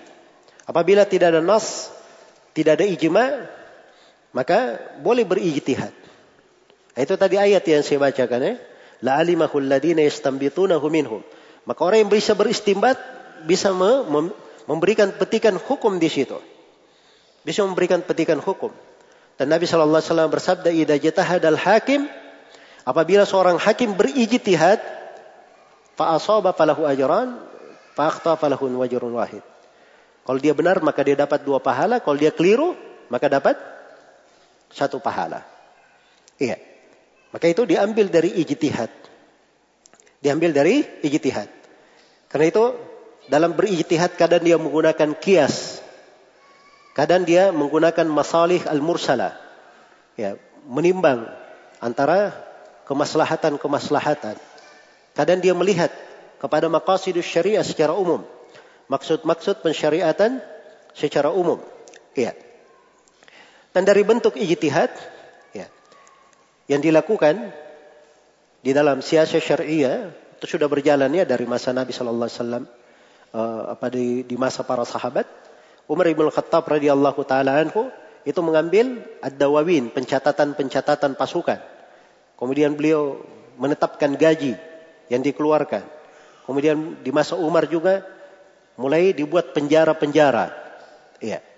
Itu tidak ada nas di situ dan kesepakatan, tapi ini ijtihad berjalan di masa Umar bin Khattab dan ya sampai sekarang diamalkan di tengah kaum muslimin. Diamalkan di tengah kaum muslimin. Iya. Karena itu Ibnu Akil Al-Hambali tadi berkata bahwa siasa politik itu adalah sebuah tindakan yang dengan tindakan itu manusia lebih dekat kepada kesolihan, kemaslahatan. Dan dengan tindakan itu manusia menjadi lebih jauh daripada kerusakan. Itu dinamakan siasa. Walaupun Nabi tidak melakukannya. Walaupun tidak ada Al-Quran menjelaskannya. Ini arahnya dari ijtihad namanya. Arahnya dari ijtihad. Ya. Karena itu kata Ibn Al-Qayyim, ini tempat ini, ijtihad, hal ini, ya, politik ini, ini mazillatu aqdam. Banyak kaki-kaki tergelincir di dalamnya. Ya. Akhirnya ada yang keliru, sebagian yang menelantarkan, akhirnya dia batalkan batasan-batasan Allah, dia telantarkan hak-hak. Ya. Akhirnya dia buat orang itu lancang untuk melakukan kerusakan-kerusakan. Ya. Ini ketika keluar dari politik syari seperti itu. Akhirnya hak-hak yang harusnya ditegakkan ditelantarkan. Hak-hak manusia yang harusnya diberikan ya, itu menjadi terlantar. Dan orang-orang yang senang dengan kefajiran, kefasikan, kerusakan, ya, semakin merajalela. Karena dibuka jalan untuk mereka. Jelas ya? Baik. Dan akhirnya di sebagian yang lain ada yang ekstrim di sudut lain. Ini satu kelompok ya. Dia ekstrim di satu sudut. Iya. Dia pikir bahwa syariat itu itu tidak menjamin kemaslahatan hamba. Akhirnya dia tinggalkan syariat. Tak ada di sudut lain, dia ekstrim juga. Kata Ibnu Qayyim, dia pikir bahwa segala perkara yang terkait dengan politik syar'i itu harus ada nas dari Al-Quran. Harus ada nas dari hadith. Dia itu tidak mesti seperti itu. Ya, kata beliau. Tidak mesti seperti itu. Jelas ya? Karena ada hal-hal yang bisa dilakukan dengan ijtihad. Ya. Bahkan kadang sebagian perkara dilakukan oleh orang kafir, tapi dilihat dari kemaslahatan diambil dan tidak ada pelanggaran syariat di situ, maka dibolehkan. Karena itu kita ingat ya di perang Ahzab, perang Khandaq. Apa yang dilakukan oleh Nabi? Hah? Menggali parit. Itu dari mana itu? Perang dengan menggali parit. Itu diambil dari cerita Salman Al Farisi yang biasa dia lihat di mana? Di negeri kafir. Ya. Kemudian di sebagian peperangan Nabi membolehkan menggunakan manjanik. Tahu manjanik? Alat lempar batu itu yang besar. Itu ini alat penghancur massa yang seperti ini dulu tidak dikenal di tengah umat Islam. Iya. Karena risikonya berbahaya. Ketika dia membunuh, dia bisa membunuh orang yang tidak layak dibunuh. Karena di dalam peperangan Islam tidak boleh membunuh perempuan, anak kecil dan seterusnya. Sedangkan kalau pakai ini nggak bisa terukur siapa yang terbunuh. Jelas ya? Tapi Nabi pakai ini di kondisi tertentu. Iya. Di suatu keadaan di dalam sebagian peperangan Nabi Shallallahu Alaihi Wasallam. Jelas ya? Nah, ini bentuk dari politik syar'i namanya. Baik. Jadi ini uh, gambarannya dari mana sumber-sumber pengambilan hukum itu di dalam politik syar'i. Iya. Ada yang bersumber dari Al-Quran, dari hadith, dari ijma, kesepakatan ulama. Ini semuanya sudah jelas. Ketentuan dan aturannya. Dan yang bersumber dari ijtihad. Ya. Kalau sudah masuk di pembahasan ijtihad, ijtihad itu ada syarat-syaratnya. Ada ketentuan-ketentuannya. Tidak semua orang bisa berijtihad di dalamnya. Jelas ya? Maka di sini subhanallah. Iya. Ini menjadi peringatan yang sangat besar.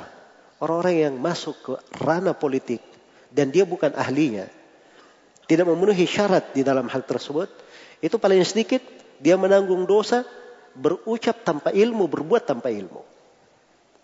Iya. Apalagi kalau dia letakkan di tengah manusia hal-hal yang merupakan kemungkaran. Dari kebijaksanaan yang dia buat. Orang berbuat riba. Iya. Dari peraturan yang dia tetapkan. Akhirnya manusia terbuka untuk berbuat dosa-dosa dan maksiat-maksiat. Dari apa yang dia tetapkan, banyak dari harta yang terlantar dan seterusnya. Maka ini semuanya perkara-perkara besar. Ya. Kenapa terjadi keputusan-keputusan yang seperti itu? Ya. Salah satunya dari sebabnya adalah masuk di dalamnya orang yang bukan ahlinya. Orang yang bukan ahlinya. Maka ini perlu orang yang ahli ijtihad di dalam hal ini, pandai menimbang perkara. Kemudian pembahasan berikutnya, saya ingin terangkan di sini tentang karakteristik umum politik syar'i. Sifat-sifat umumnya itu kayak bagaimana? Iya. Yang pertama dari sifat umum politik syar'i itu, dia adalah politik yang bersifat robbani datang memang untuk menata manusia, merawat manusia, dan mengatur kebaikan untuk manusia. Iya. Baik, itu sifat dari politik syar'i. Iya. Karena itulah asasnya kaidah-kaidahnya hukum-hukumnya itu membawa kebaikan untuk manusia. Sebab ini berasal dari Allah yang menciptakan manusia. Ya. Dan Allah yang paling tahu apa yang bermanfaat untuk manusia. Ala ya'lau man khalaqa wa huwa latiful khabir. Tidakkah mereka tahu siapa yang mencipta? Allah yang mencipta. Dan Allah itu al-latif, al-khabir. Latif itu maha halus. Dia kadang berbuat sesuatu, kita tidak tahu apa. Hikmah di belakang sesuatu itu. Tapi ada kebaikan untuk kita di dalamnya. Khabir. Dan dia maha tahu rahasia-rahasia di belakang perkara-perkara. Iya. Disebut dua nama dari Asmaul Husna. Supaya kita paham bahwa di belakang syariat itu banyak hikmah-hikmah. Iya. Banyak dari hikmah-hikmah. Baik.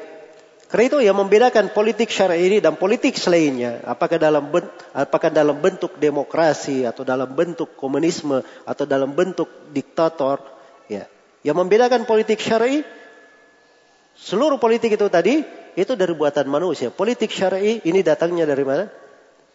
Dari Allah Subhanahu wa taala yang Maha mengetahui apa yang maslahat dan apa yang terbaik untuk manusia. Iya. Baik. Kemudian dari karakteristik politik syar'i dia adalah politik yang menjunjung akhlak yang tinggi, akhlak yang mulia. Ya, karena itu di dalamnya ada penjagaan terhadap janji-janji, al-uhud, wal mawathiq. Nah sembarangan di politik syar'i itu. Ya. Ini Nabi Shallallahu Alaihi Wasallam setelah menyetujui perjanjian Hudaybiyah, isi salah satu isi perjanjian tidak berperang dengan kaum musyrikin Mekah selama 10 tahun. Tidak berperang.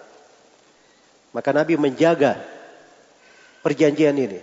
Beliau berucap tegas dalam hadis riwayat Bukhari.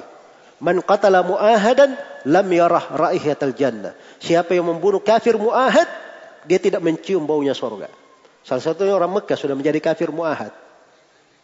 Tidak mencium baunya apa? Surga. Ini bentuk politik syar'i. Jelas ya? Apa jadinya umat Islam ini sudah berjanji dengan orang sudah buat apa namanya kesepakatan tiba-tiba melanggar. Ya. Dan itu tidak ada di dalam umat Islam ini. Baik. Karena itu di dalam ya politik syar'i dijaga hak-hak manusia. Dijaga hak-hak manusia. Itu menjunjung akhlak yang tinggi. Dijaga. Orang kafir pun dia sebagai tetangga ada haknya. Diberi dari hak Iya. Diberi dari hak.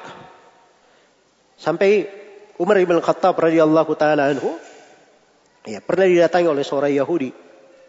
Ya, dia minta supaya diberi dari apa? Dari harta. Kata Umar, lihat kepada di Baitul Mal untuk orang-orang yang dipinjamkan seperti ini. Dia ada yang semisal dengannya. Dihargai sebagai siapa? Orang ahlu dimma. Jelas ya? Hidup bersama kaum muslimin. Dijamin keamanannya, dihargai oleh Umar Ibn Khattab.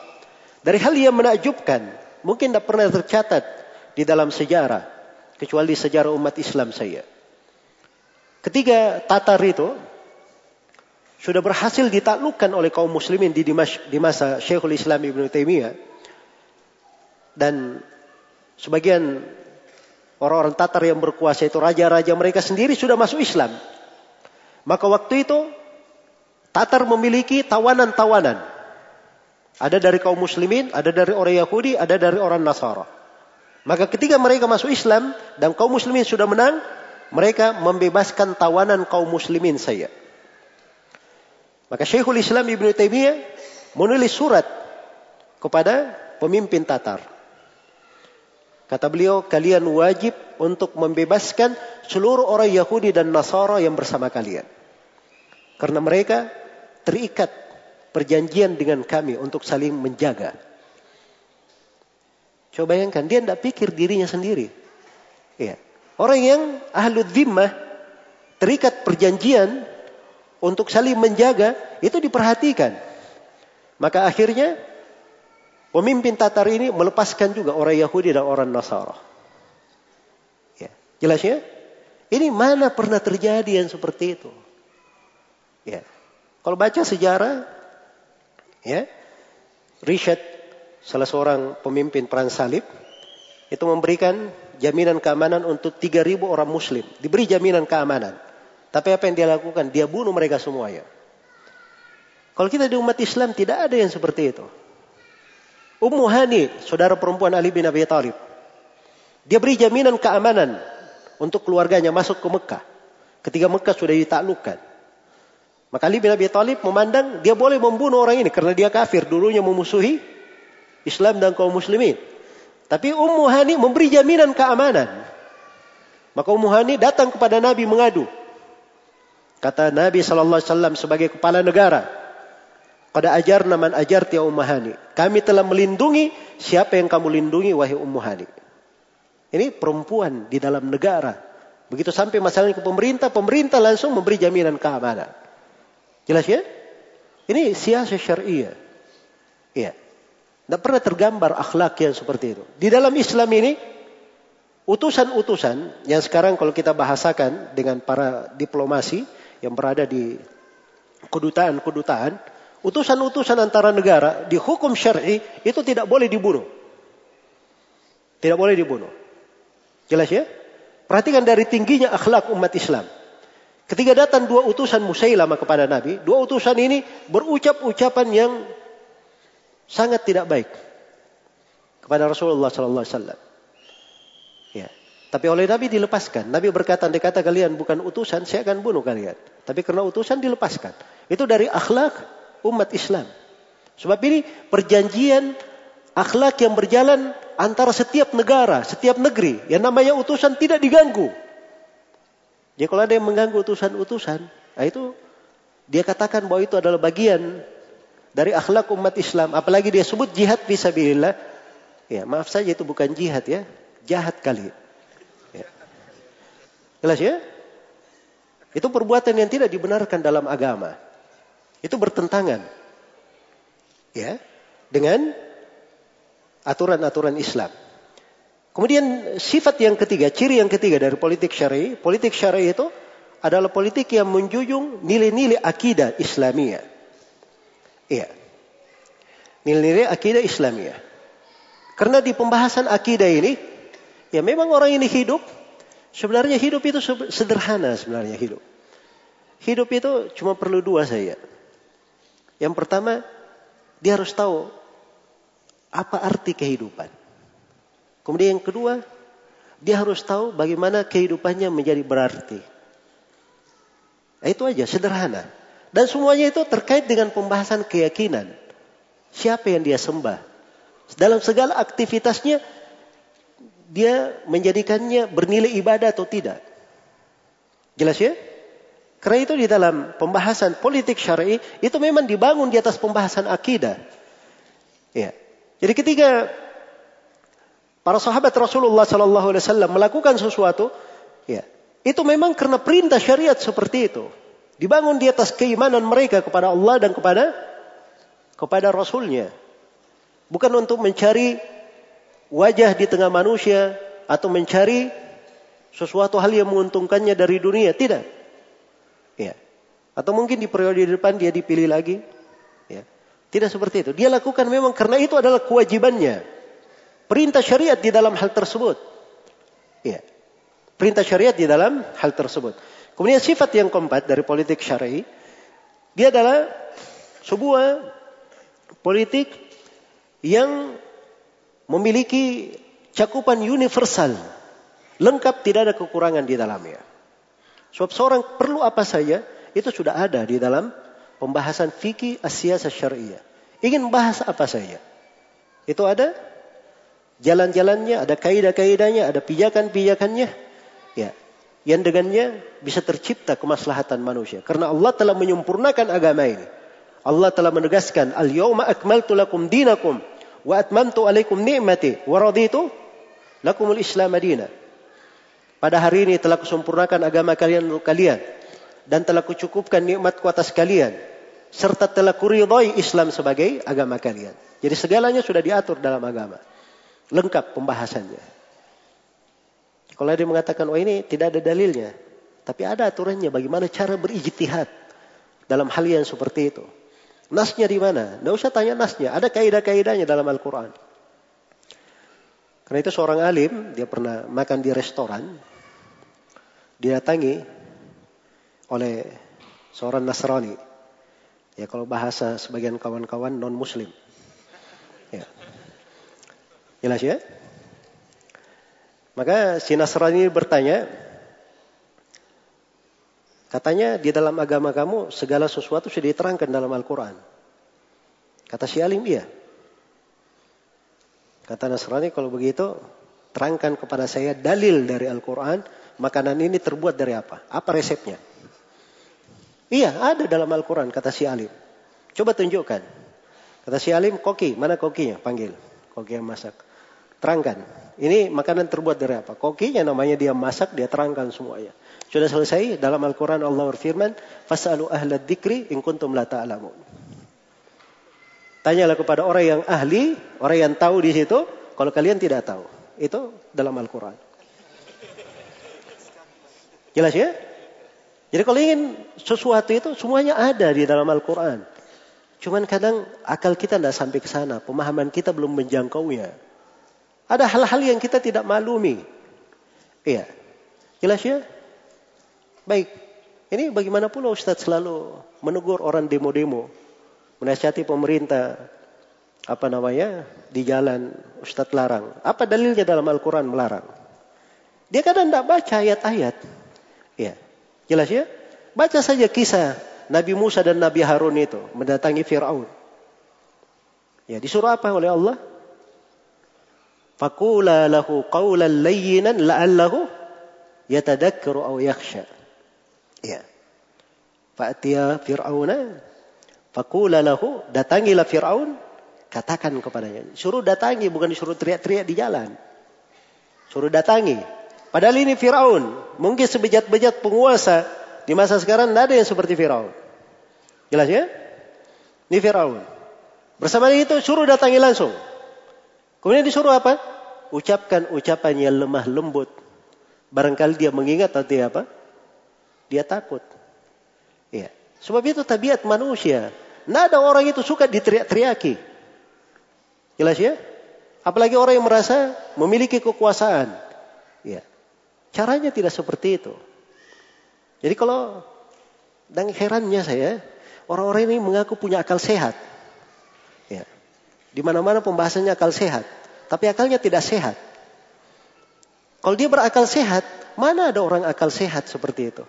Ayahnya dia teriaki untuk dia. Kan tidak mungkin dia berbicara kepada orang yang lebih tua darinya, di atasnya, dengan bahasa seperti itu. Jelas ya? Kemudian akal sehat itu bukan dengan cara seseorang itu menentang sebuah kebijakan yang akan melahirkan kerusakan di tengah manusia. Justru akal sehat itu dia bersabar. Itu akal sehat namanya.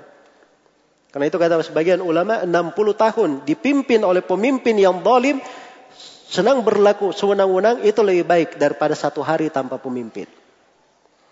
Iya. Coba aja satu hari tanpa pemimpin. Apa yang terjadi?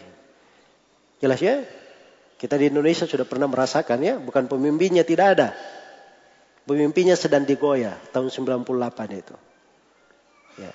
Lihat apa yang terjadi. Mungkin masih ada di memori ya, bagaimana kerusakan-kerusakan. Ya, darah nyawa-nyawa yang melayang, kehormatan-kehormatan yang dijak-injak, harta-harta yang hangus. Orang-orang yang kehilangan apa yang dia cintai. Gara-gara pemimpinnya digoyah. Kemudian bahasanya Masya Allah. Reformasi. Ya. Bapak reformasinya apa yang dia bikin sampai sekarang?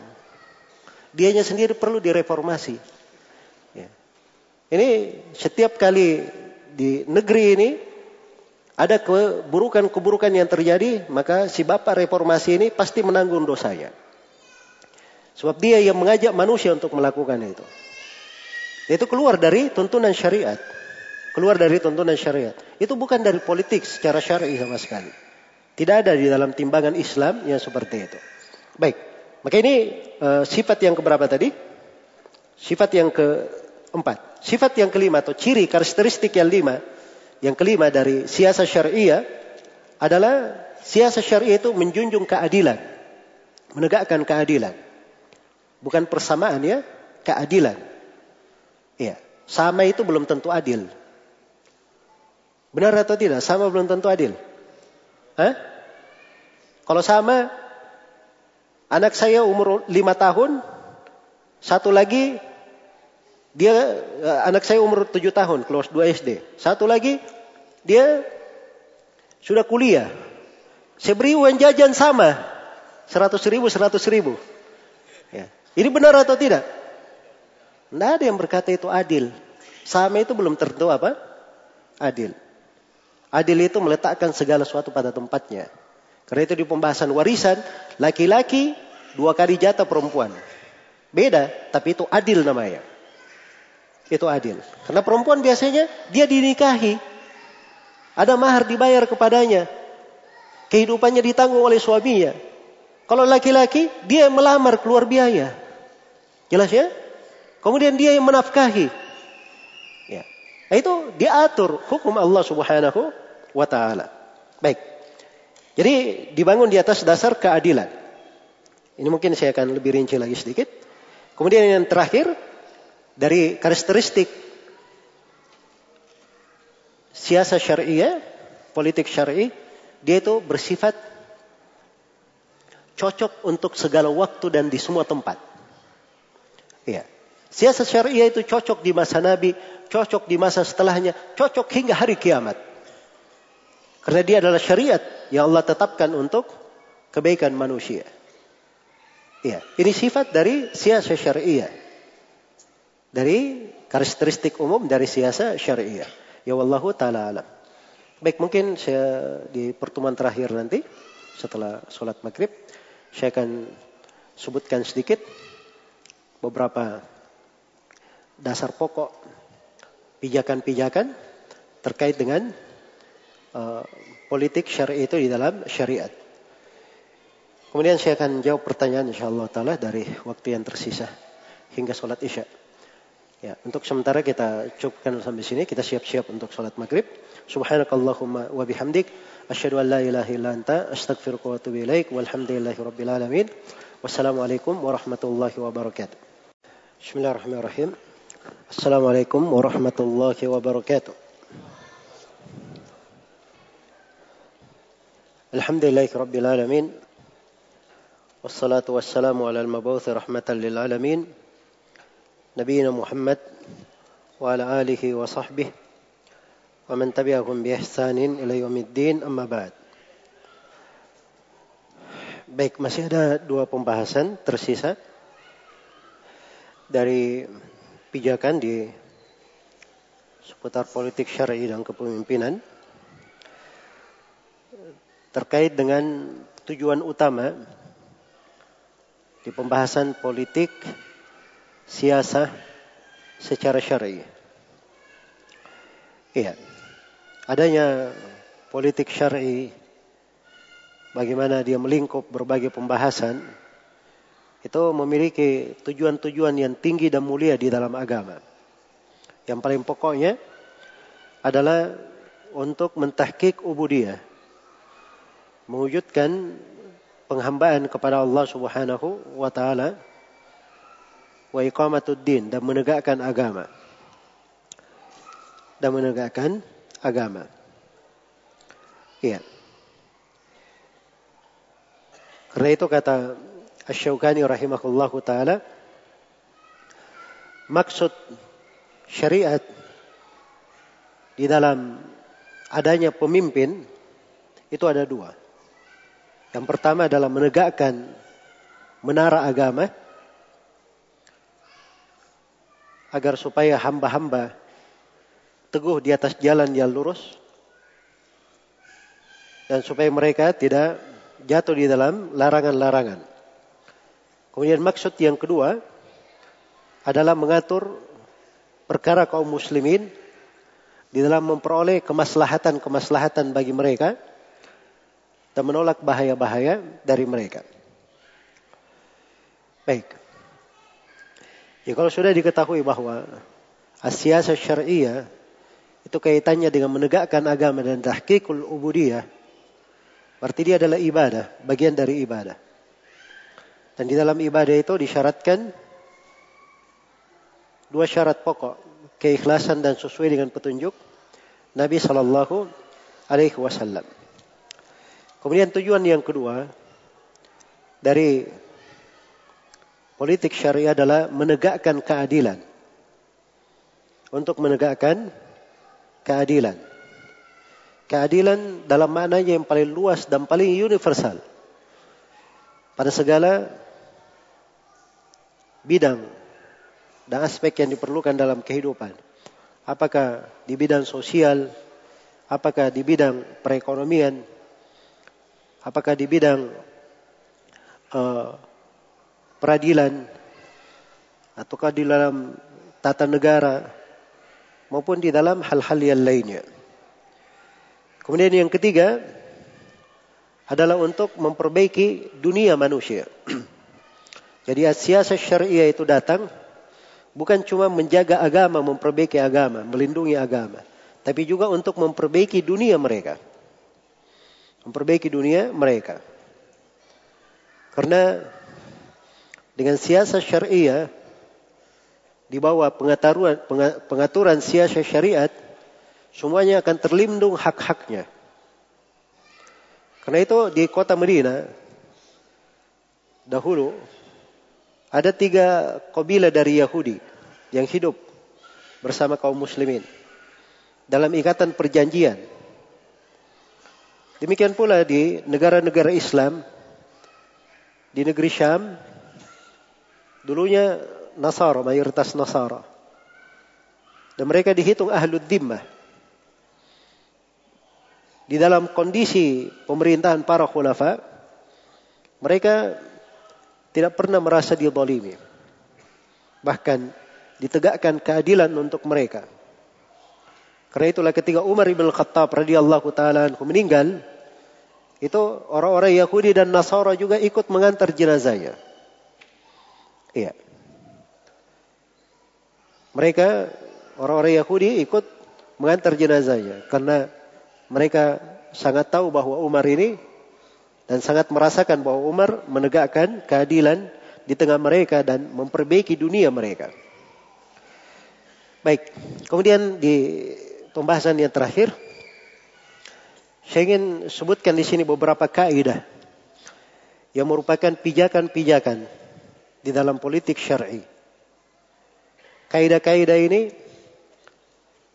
adalah sumber acuan dan panduan di dalam sikap, tindakan maupun di dalam memahami seputar politik secara syar'i tersebut. Yang pertama bahwa dari pokok kaidah di dalam hukum Islam adalah asyura. Iya. Syura itu sudah bahasa Indonesia ya, permusyawaratan. Iya. Syura ini adalah jalan yang paling tinggi dan paling indah yang ditempuh oleh seorang pemimpin dan orang-orang yang memegang wewenang guna mendapatkan solusi-solusi dan pendapat-pendapat. Iya. Karena itu seorang pemimpin itu pasti perlu kepada syura. Bermusyawarat dengan orang lain dapat pertimbangan dari orang lain. Allah Subhanahu wa taala memerintah nabinya wasyawirhum fil amr.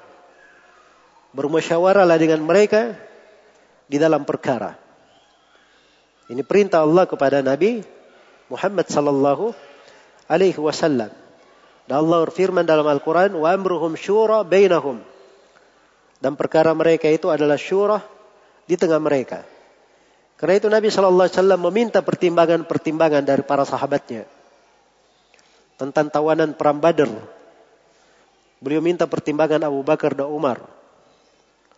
Di kisah Nabi Shallallahu Alaihi Wasallam menghadapi tuduhan terhadap istrinya di kisah Ifk. Ketika Aisyah radhiyallahu taala anha dituduh oleh kaum munafikin. Nabi Shallallahu Alaihi Wasallam meminta pendapat Usama bin Zaid tentang hal tersebut dan meminta pendapat Ali bin Abi Thalib. Sebagaimana Nabi Shallallahu Alaihi Wasallam meminta pertimbangan para sahabatnya di perang Uhud. Ya.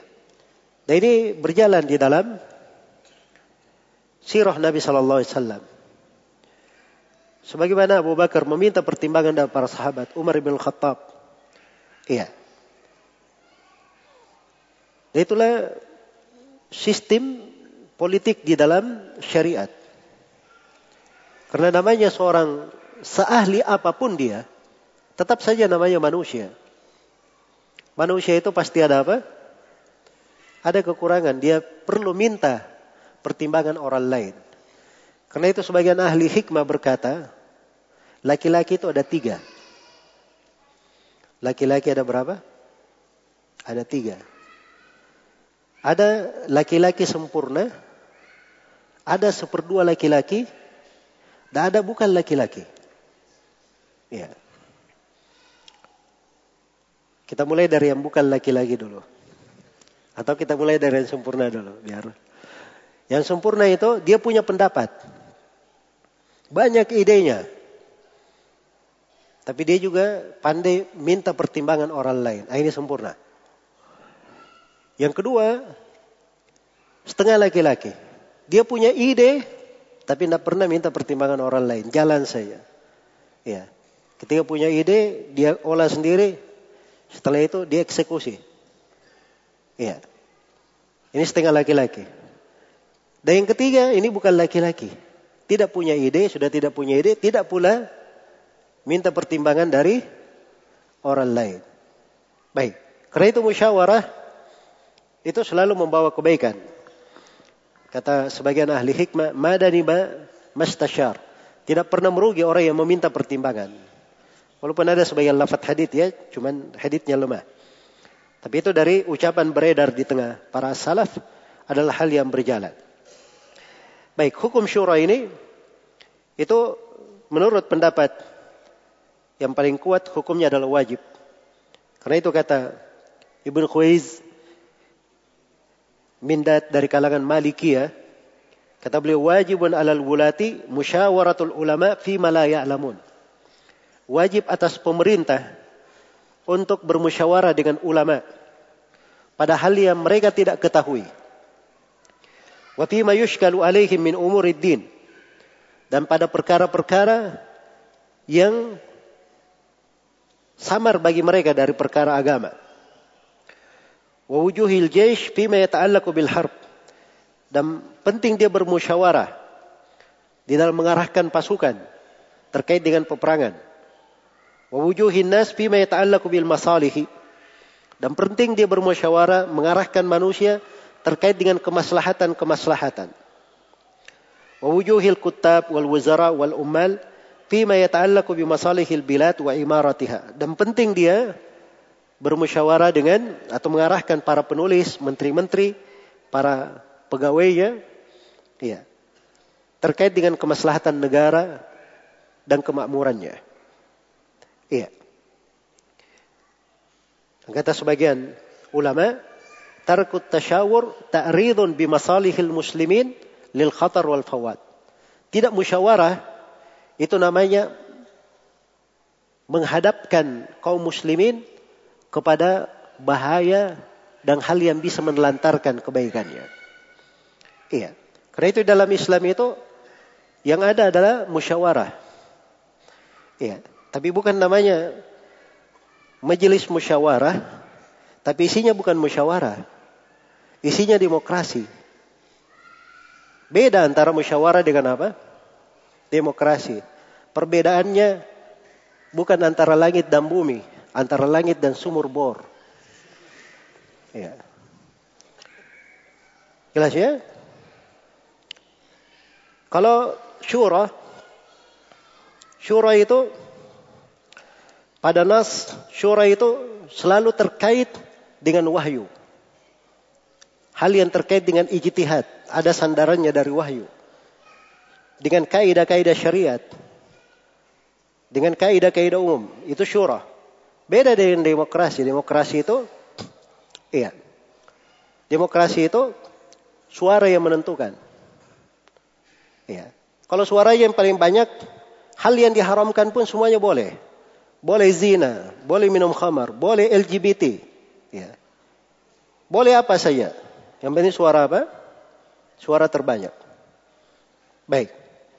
Kemudian yang kedua, kalau ahli syura, syura itu yang diikutkan, itu orang yang ahli. Punya ide.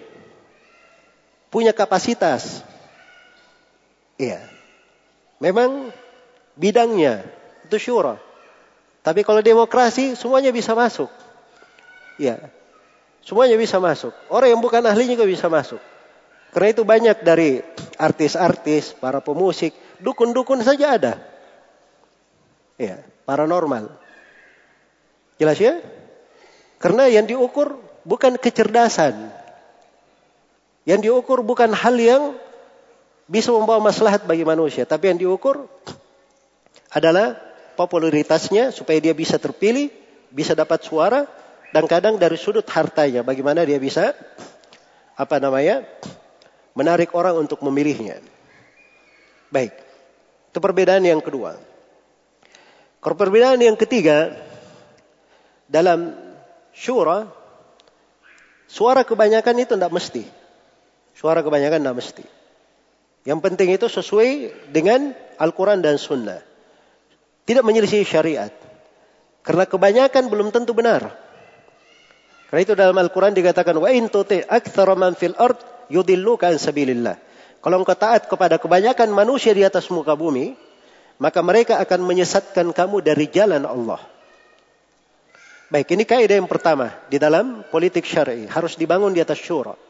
Kaidah yang kedua, politik syar'i itu dibangun di atas mendengar dan taat kepada pemimpin serta terikat dengan peraturan-peraturan dan apa-apa yang disepakati di dalam negeri tersebut. Iya. Itu politik syari. Jadi semua orang yang berbicara tentang politik itu dia jaga tentang mendengar dan taat kepada pemerintah. Iya. Dia jaga hal tersebut. Karena ini dasar dipelihara di dalam syariat Sepakat para ulama rahimakumullah taala di dalam hal tersebut. Dan sudut inilah yang dimasukkan oleh para ulama di pembahasan buku-buku akidah. Ini bagian dari pembahasan politik ya. Dimasukkan di buku-buku akidah. Ya.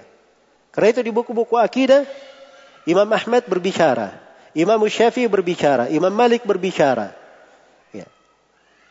Demikian pula para imam yang lainnya. Semuanya berbicara tentang wajibnya mendengar dan taat kepada pemerintah.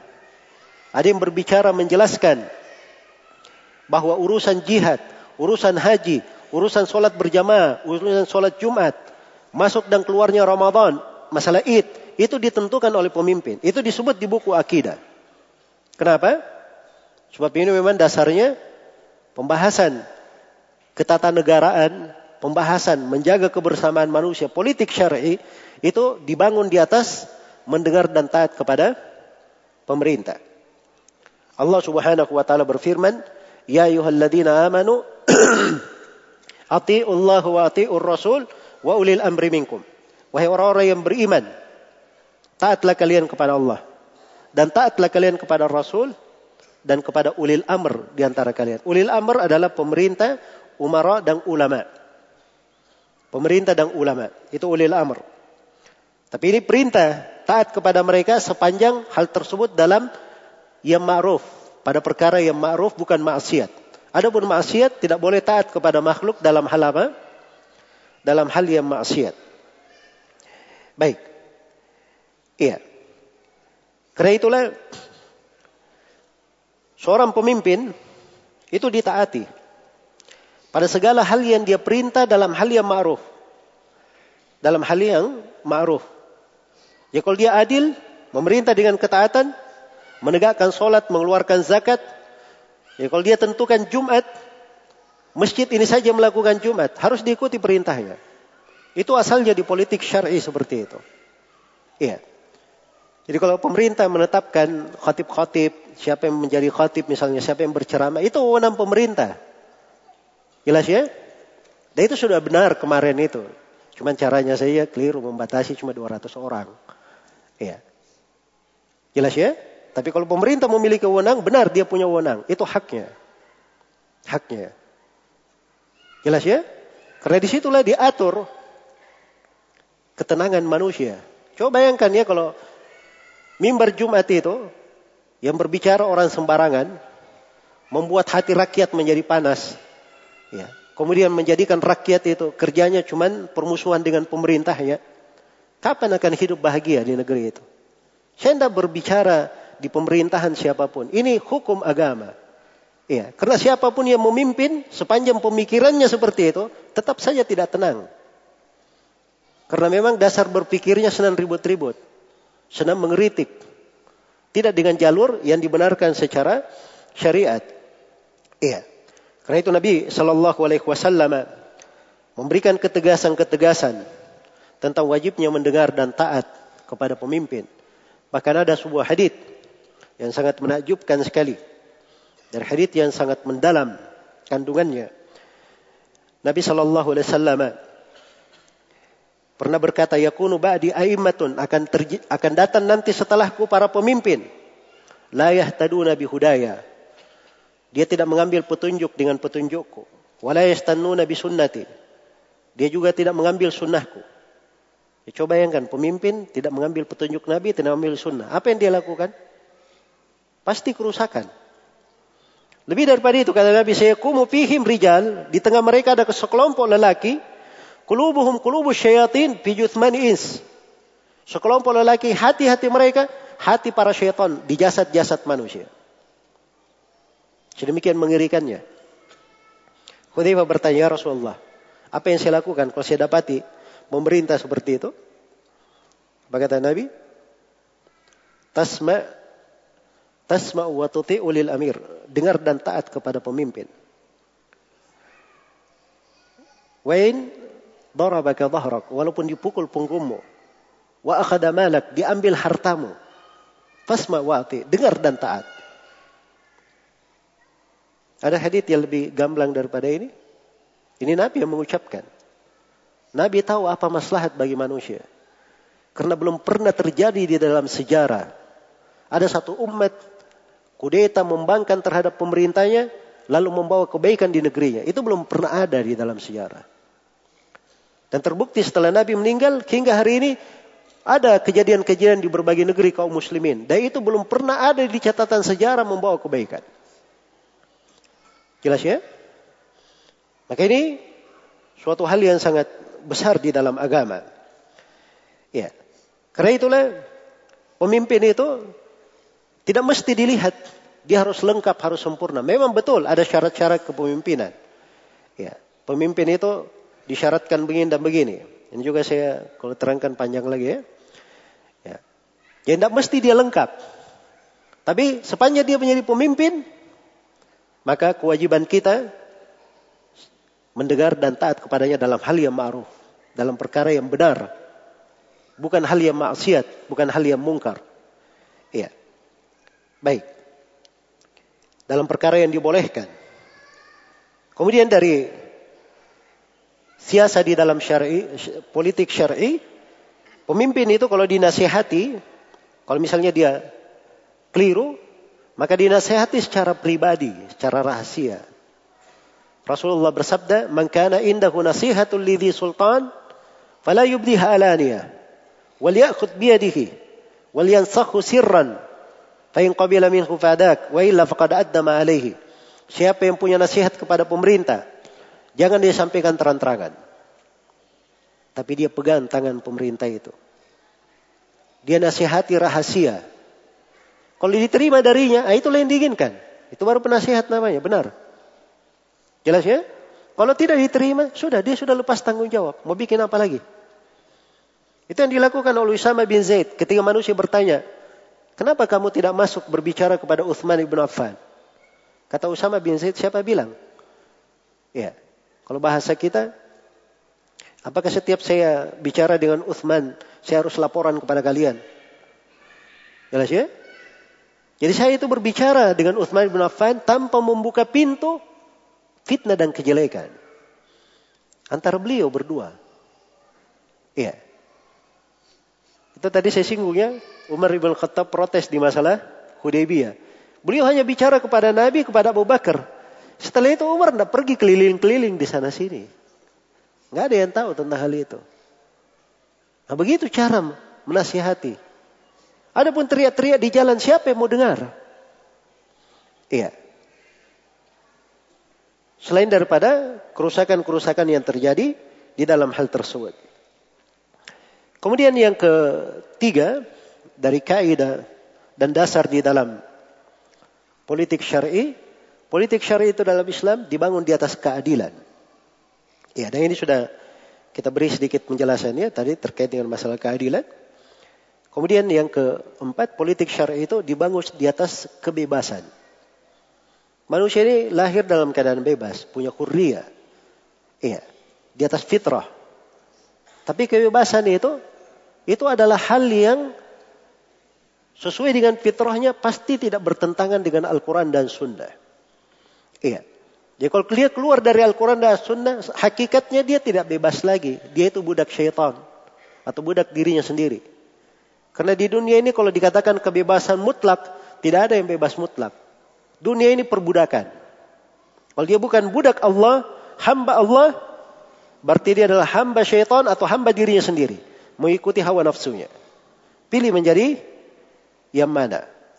Itu di dalam kehidupan. Kalau mau tahu hakikat dari kehidupan ini.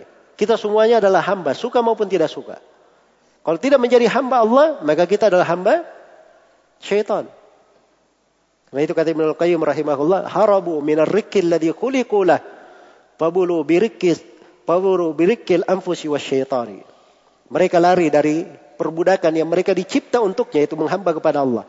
Akhirnya mereka kena musibah menjadi hamba diri sendiri atau hamba syaitan. Baik. Kemudian dari dasar pokok di politik syar'i adalah tahsilul masali wa takmiluha mewujudkan kemaslahatan atau menyempurnakannya. Ta'tidul masajid wa takliluha, menghilangkan mafsadat atau menguranginya.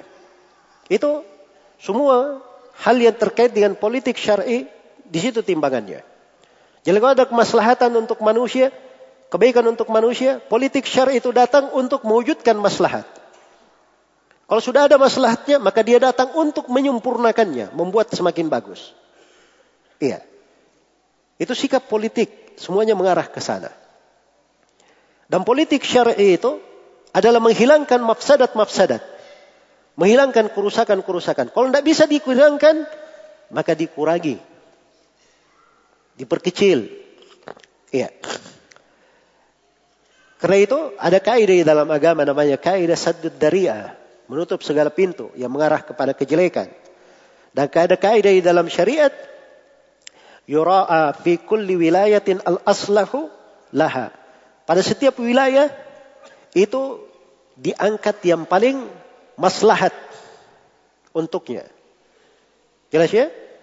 Jadi masalahnya itu bukan masalah pemimpin ini keluarganya atau bukan. Bukan itu yang dilihat. Masalahnya ini dia orang yang paling cocok atau tidak. Jelas ya? Karena itu jangan dikatakan nepotisme itu ya celaan mutlak ya seperti itu. Karena Utsman bin Affan radhiyallahu taala anhu itu mempekerjakan sebagian keluarganya. Walaupun ada sebagian yang kritik, tapi ini pendapat Uthman. Beliau dari Khulafa ar-Rashidin. Dibolehkan pada hal yang memang maslahat. Kalau memang keahliannya dia yang paling cocok di situ, maka itu yang dipilih. Kemudian yang paling cocok itu, tidak mesti dia lengkap di semua bidang. Semua hal. Iya. Kadang di sebagian kondisi, dia ini kurang agamanya. Mungkin ada sebagian kefasikannya. Tapi dia lebih mending, lebih baik dari sebagian orang salih dari sebagian orang salih. Itu ada di sebagian kondisi seperti itu. Jelas ya? Kalau ingin diperbandingkan antara Khalid bin Walid dan beberapa sahabat dari sisi kesalihan, ya, itu tanpa ya tingkatan para sahabat yang lainnya. Dan Khalid bin Walid radhiyallahu taala anhu itu pernah melakukan perbuatan-perbuatan yang Nabi sendiri sudah berkata, saya berlepas diri kepada Allah dari perbuatan Khalid. Tapi bersama dengan itu Khalid bin Walid tidak pernah dipecat menjadi pimpinan pasukan. Kenapa? Tidak ada yang lebih layak menjadi pemimpin lebih dari siapa? Khalid bin Walid. Keahlian dia di situ. Jadi adanya kekurangan-kekurangan itu tidak memastikan seorang itu harus apa? Harus diganti dan seterusnya. Itu dari sudut siasat syariah. Kemudian dari sudut masalih, kemaslahatan umum itu, itu wajib untuk dijaga.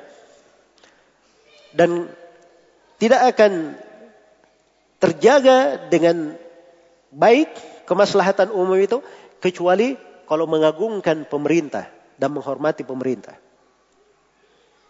Iya. Maaf ya ini bukan bahasa saya. Ini bahasa Nabi Shallallahu Alaihi Wasallam. Diberi judul bab oleh para ulama di dalam buku-buku hadis ya tentang hal tersebut. Ya. Baik saya akan bacakan ya sebagian hadis dari Rasulullah Shallallahu Alaihi Wasallam tentang hal tersebut. Mungkin ada dua hadis yang akan saya bacakan. Ya. Baik. Hadis yang pertama atau di dalam uh, bab ini diriwayatkan oleh Ibnu Abi Asim dalam kitabnya Sunnah. Beliau beri judul Bab fi dzikri fadli ta'zizil amir wa tawqirihi. Bab penyebutan keutamaan ya. Memuliakan pemimpin dan menghormatinya. Beliau bawakan hadisnya dari Muad bin Jabal. Dan ini hadis disahihkan oleh Syekh Al-Albani.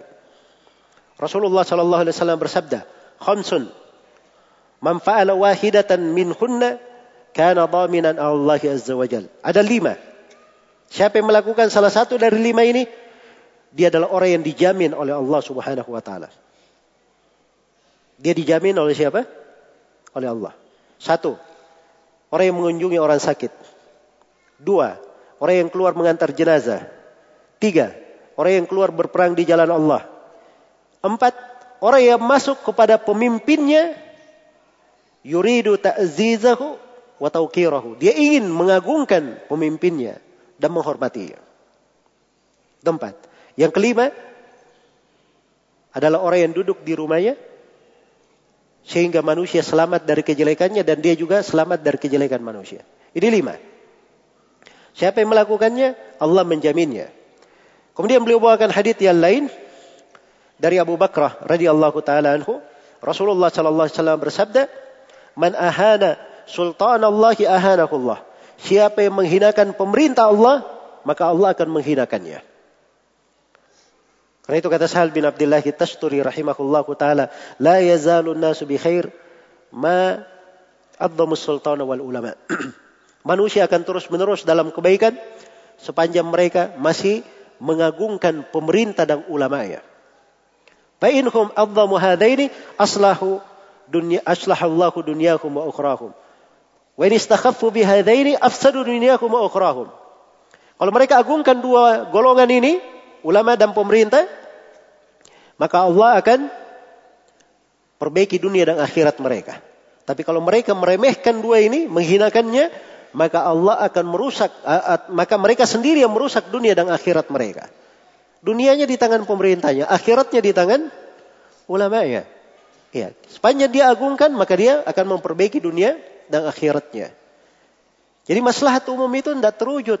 Coba bayangkan kalau setiap orang meremehkan pemerintahnya. Ya, membicarakannya, menjelekkannya, maka kita akan berada di kondisi seburuk-buruk umat. Itu seburuk-buruk manusia itu dikatakan oleh Nabi. Syiraru aimatikum dalam sebuah riwayat syirarukum wa syiraru aimatikum. Man tal'anunakum wa yal'anunakum. Man tubghidunakum wa yubghidunakum wa tal'anunakum wa yal'anunakum. Sejelek-jelek kalian, sejelek-jelek para pemerintah kalian adalah siapa yang kalian benci kepada mereka, mereka juga benci kepada kalian. Kalian melaknat mereka, mereka juga melaknat kalian. Itu sejelek-jelek umat. Iya. Maka jangan masuk ke dalam hal yang seperti itu. Karena itu, ini kaidah dalam politik syar'i. Ya kalau berbicara tentang kemaslahatan, itu harus dibangun di atas dasar ini. Berikutnya, dari pegangan di dalam politik syar'i, la darar wa la dirar. Tidak boleh ada bahaya dan pembahayaan.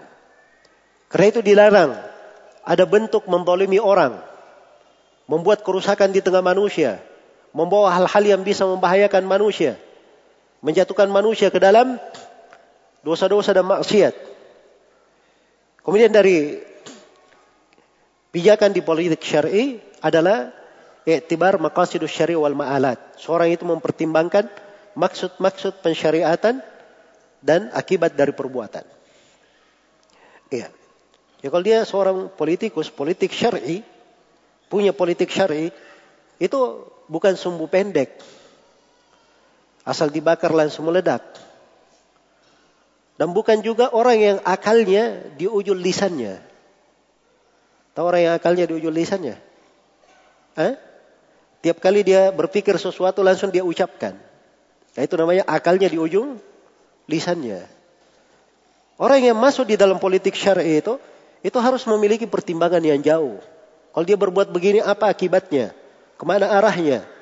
Dia sudah perhitungkan, dia pertimbangkan. Karena itu seluruh agama yang pernah Allah turunkan di atas muka bumi ini, agama semuanya itu menjaga lima hal pokok di dalamnya. Yang pertama menjaga agama. Yang kedua menjaga nyawa, jiwa. Yang ketiga menjaga akal.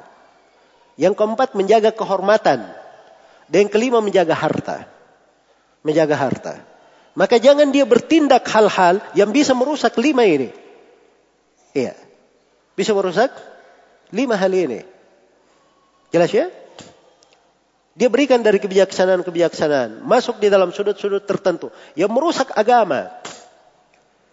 Jadi kalau ada yang mengatakan, oh tidak apa-apa kita resmikan agama Yahudi. Ya. Kita kan harus menghormati semua penganut agama. Nah ini saya nggak tahu bagaimana cara berpikirnya. Iya. Kalau dia mengerti kemaslahatan, agama Yahudi itu, ya, yang sekarang yang mereka maksud yang sudah berubah, itu berisi permusuhan. Di tengah penganut agama yang lain pun tidak mau menerimanya. Karena memang asalnya di dalam agama mereka adalah memusuhi. Dan itu akan merusak kebersamaan di dalam sebuah negeri. Iya. Kemudian di sudut lain, dari sudut pembahasan agama, kalau dia beragama Islam, itu adalah hal yang diharamkan di dalam di dalam agama. Kita tidak paksakan seorang itu masuk ke dalam Islam, tidak dipaksakan. Dia punya kebebasan menganut agamanya. Ya. La ikraha din. Tidak ada paksaan dalam beragama. Karena itu banyak wilayah yang ditaklukkan. Mereka bukan kaum muslimin. Tapi tidak dipaksa oleh Nabi dan para sahabat supaya pindah agama. Harus masuk Islam. Ya. Orang-orang Bahrain tetap di agamanya mereka. Agama Nasara.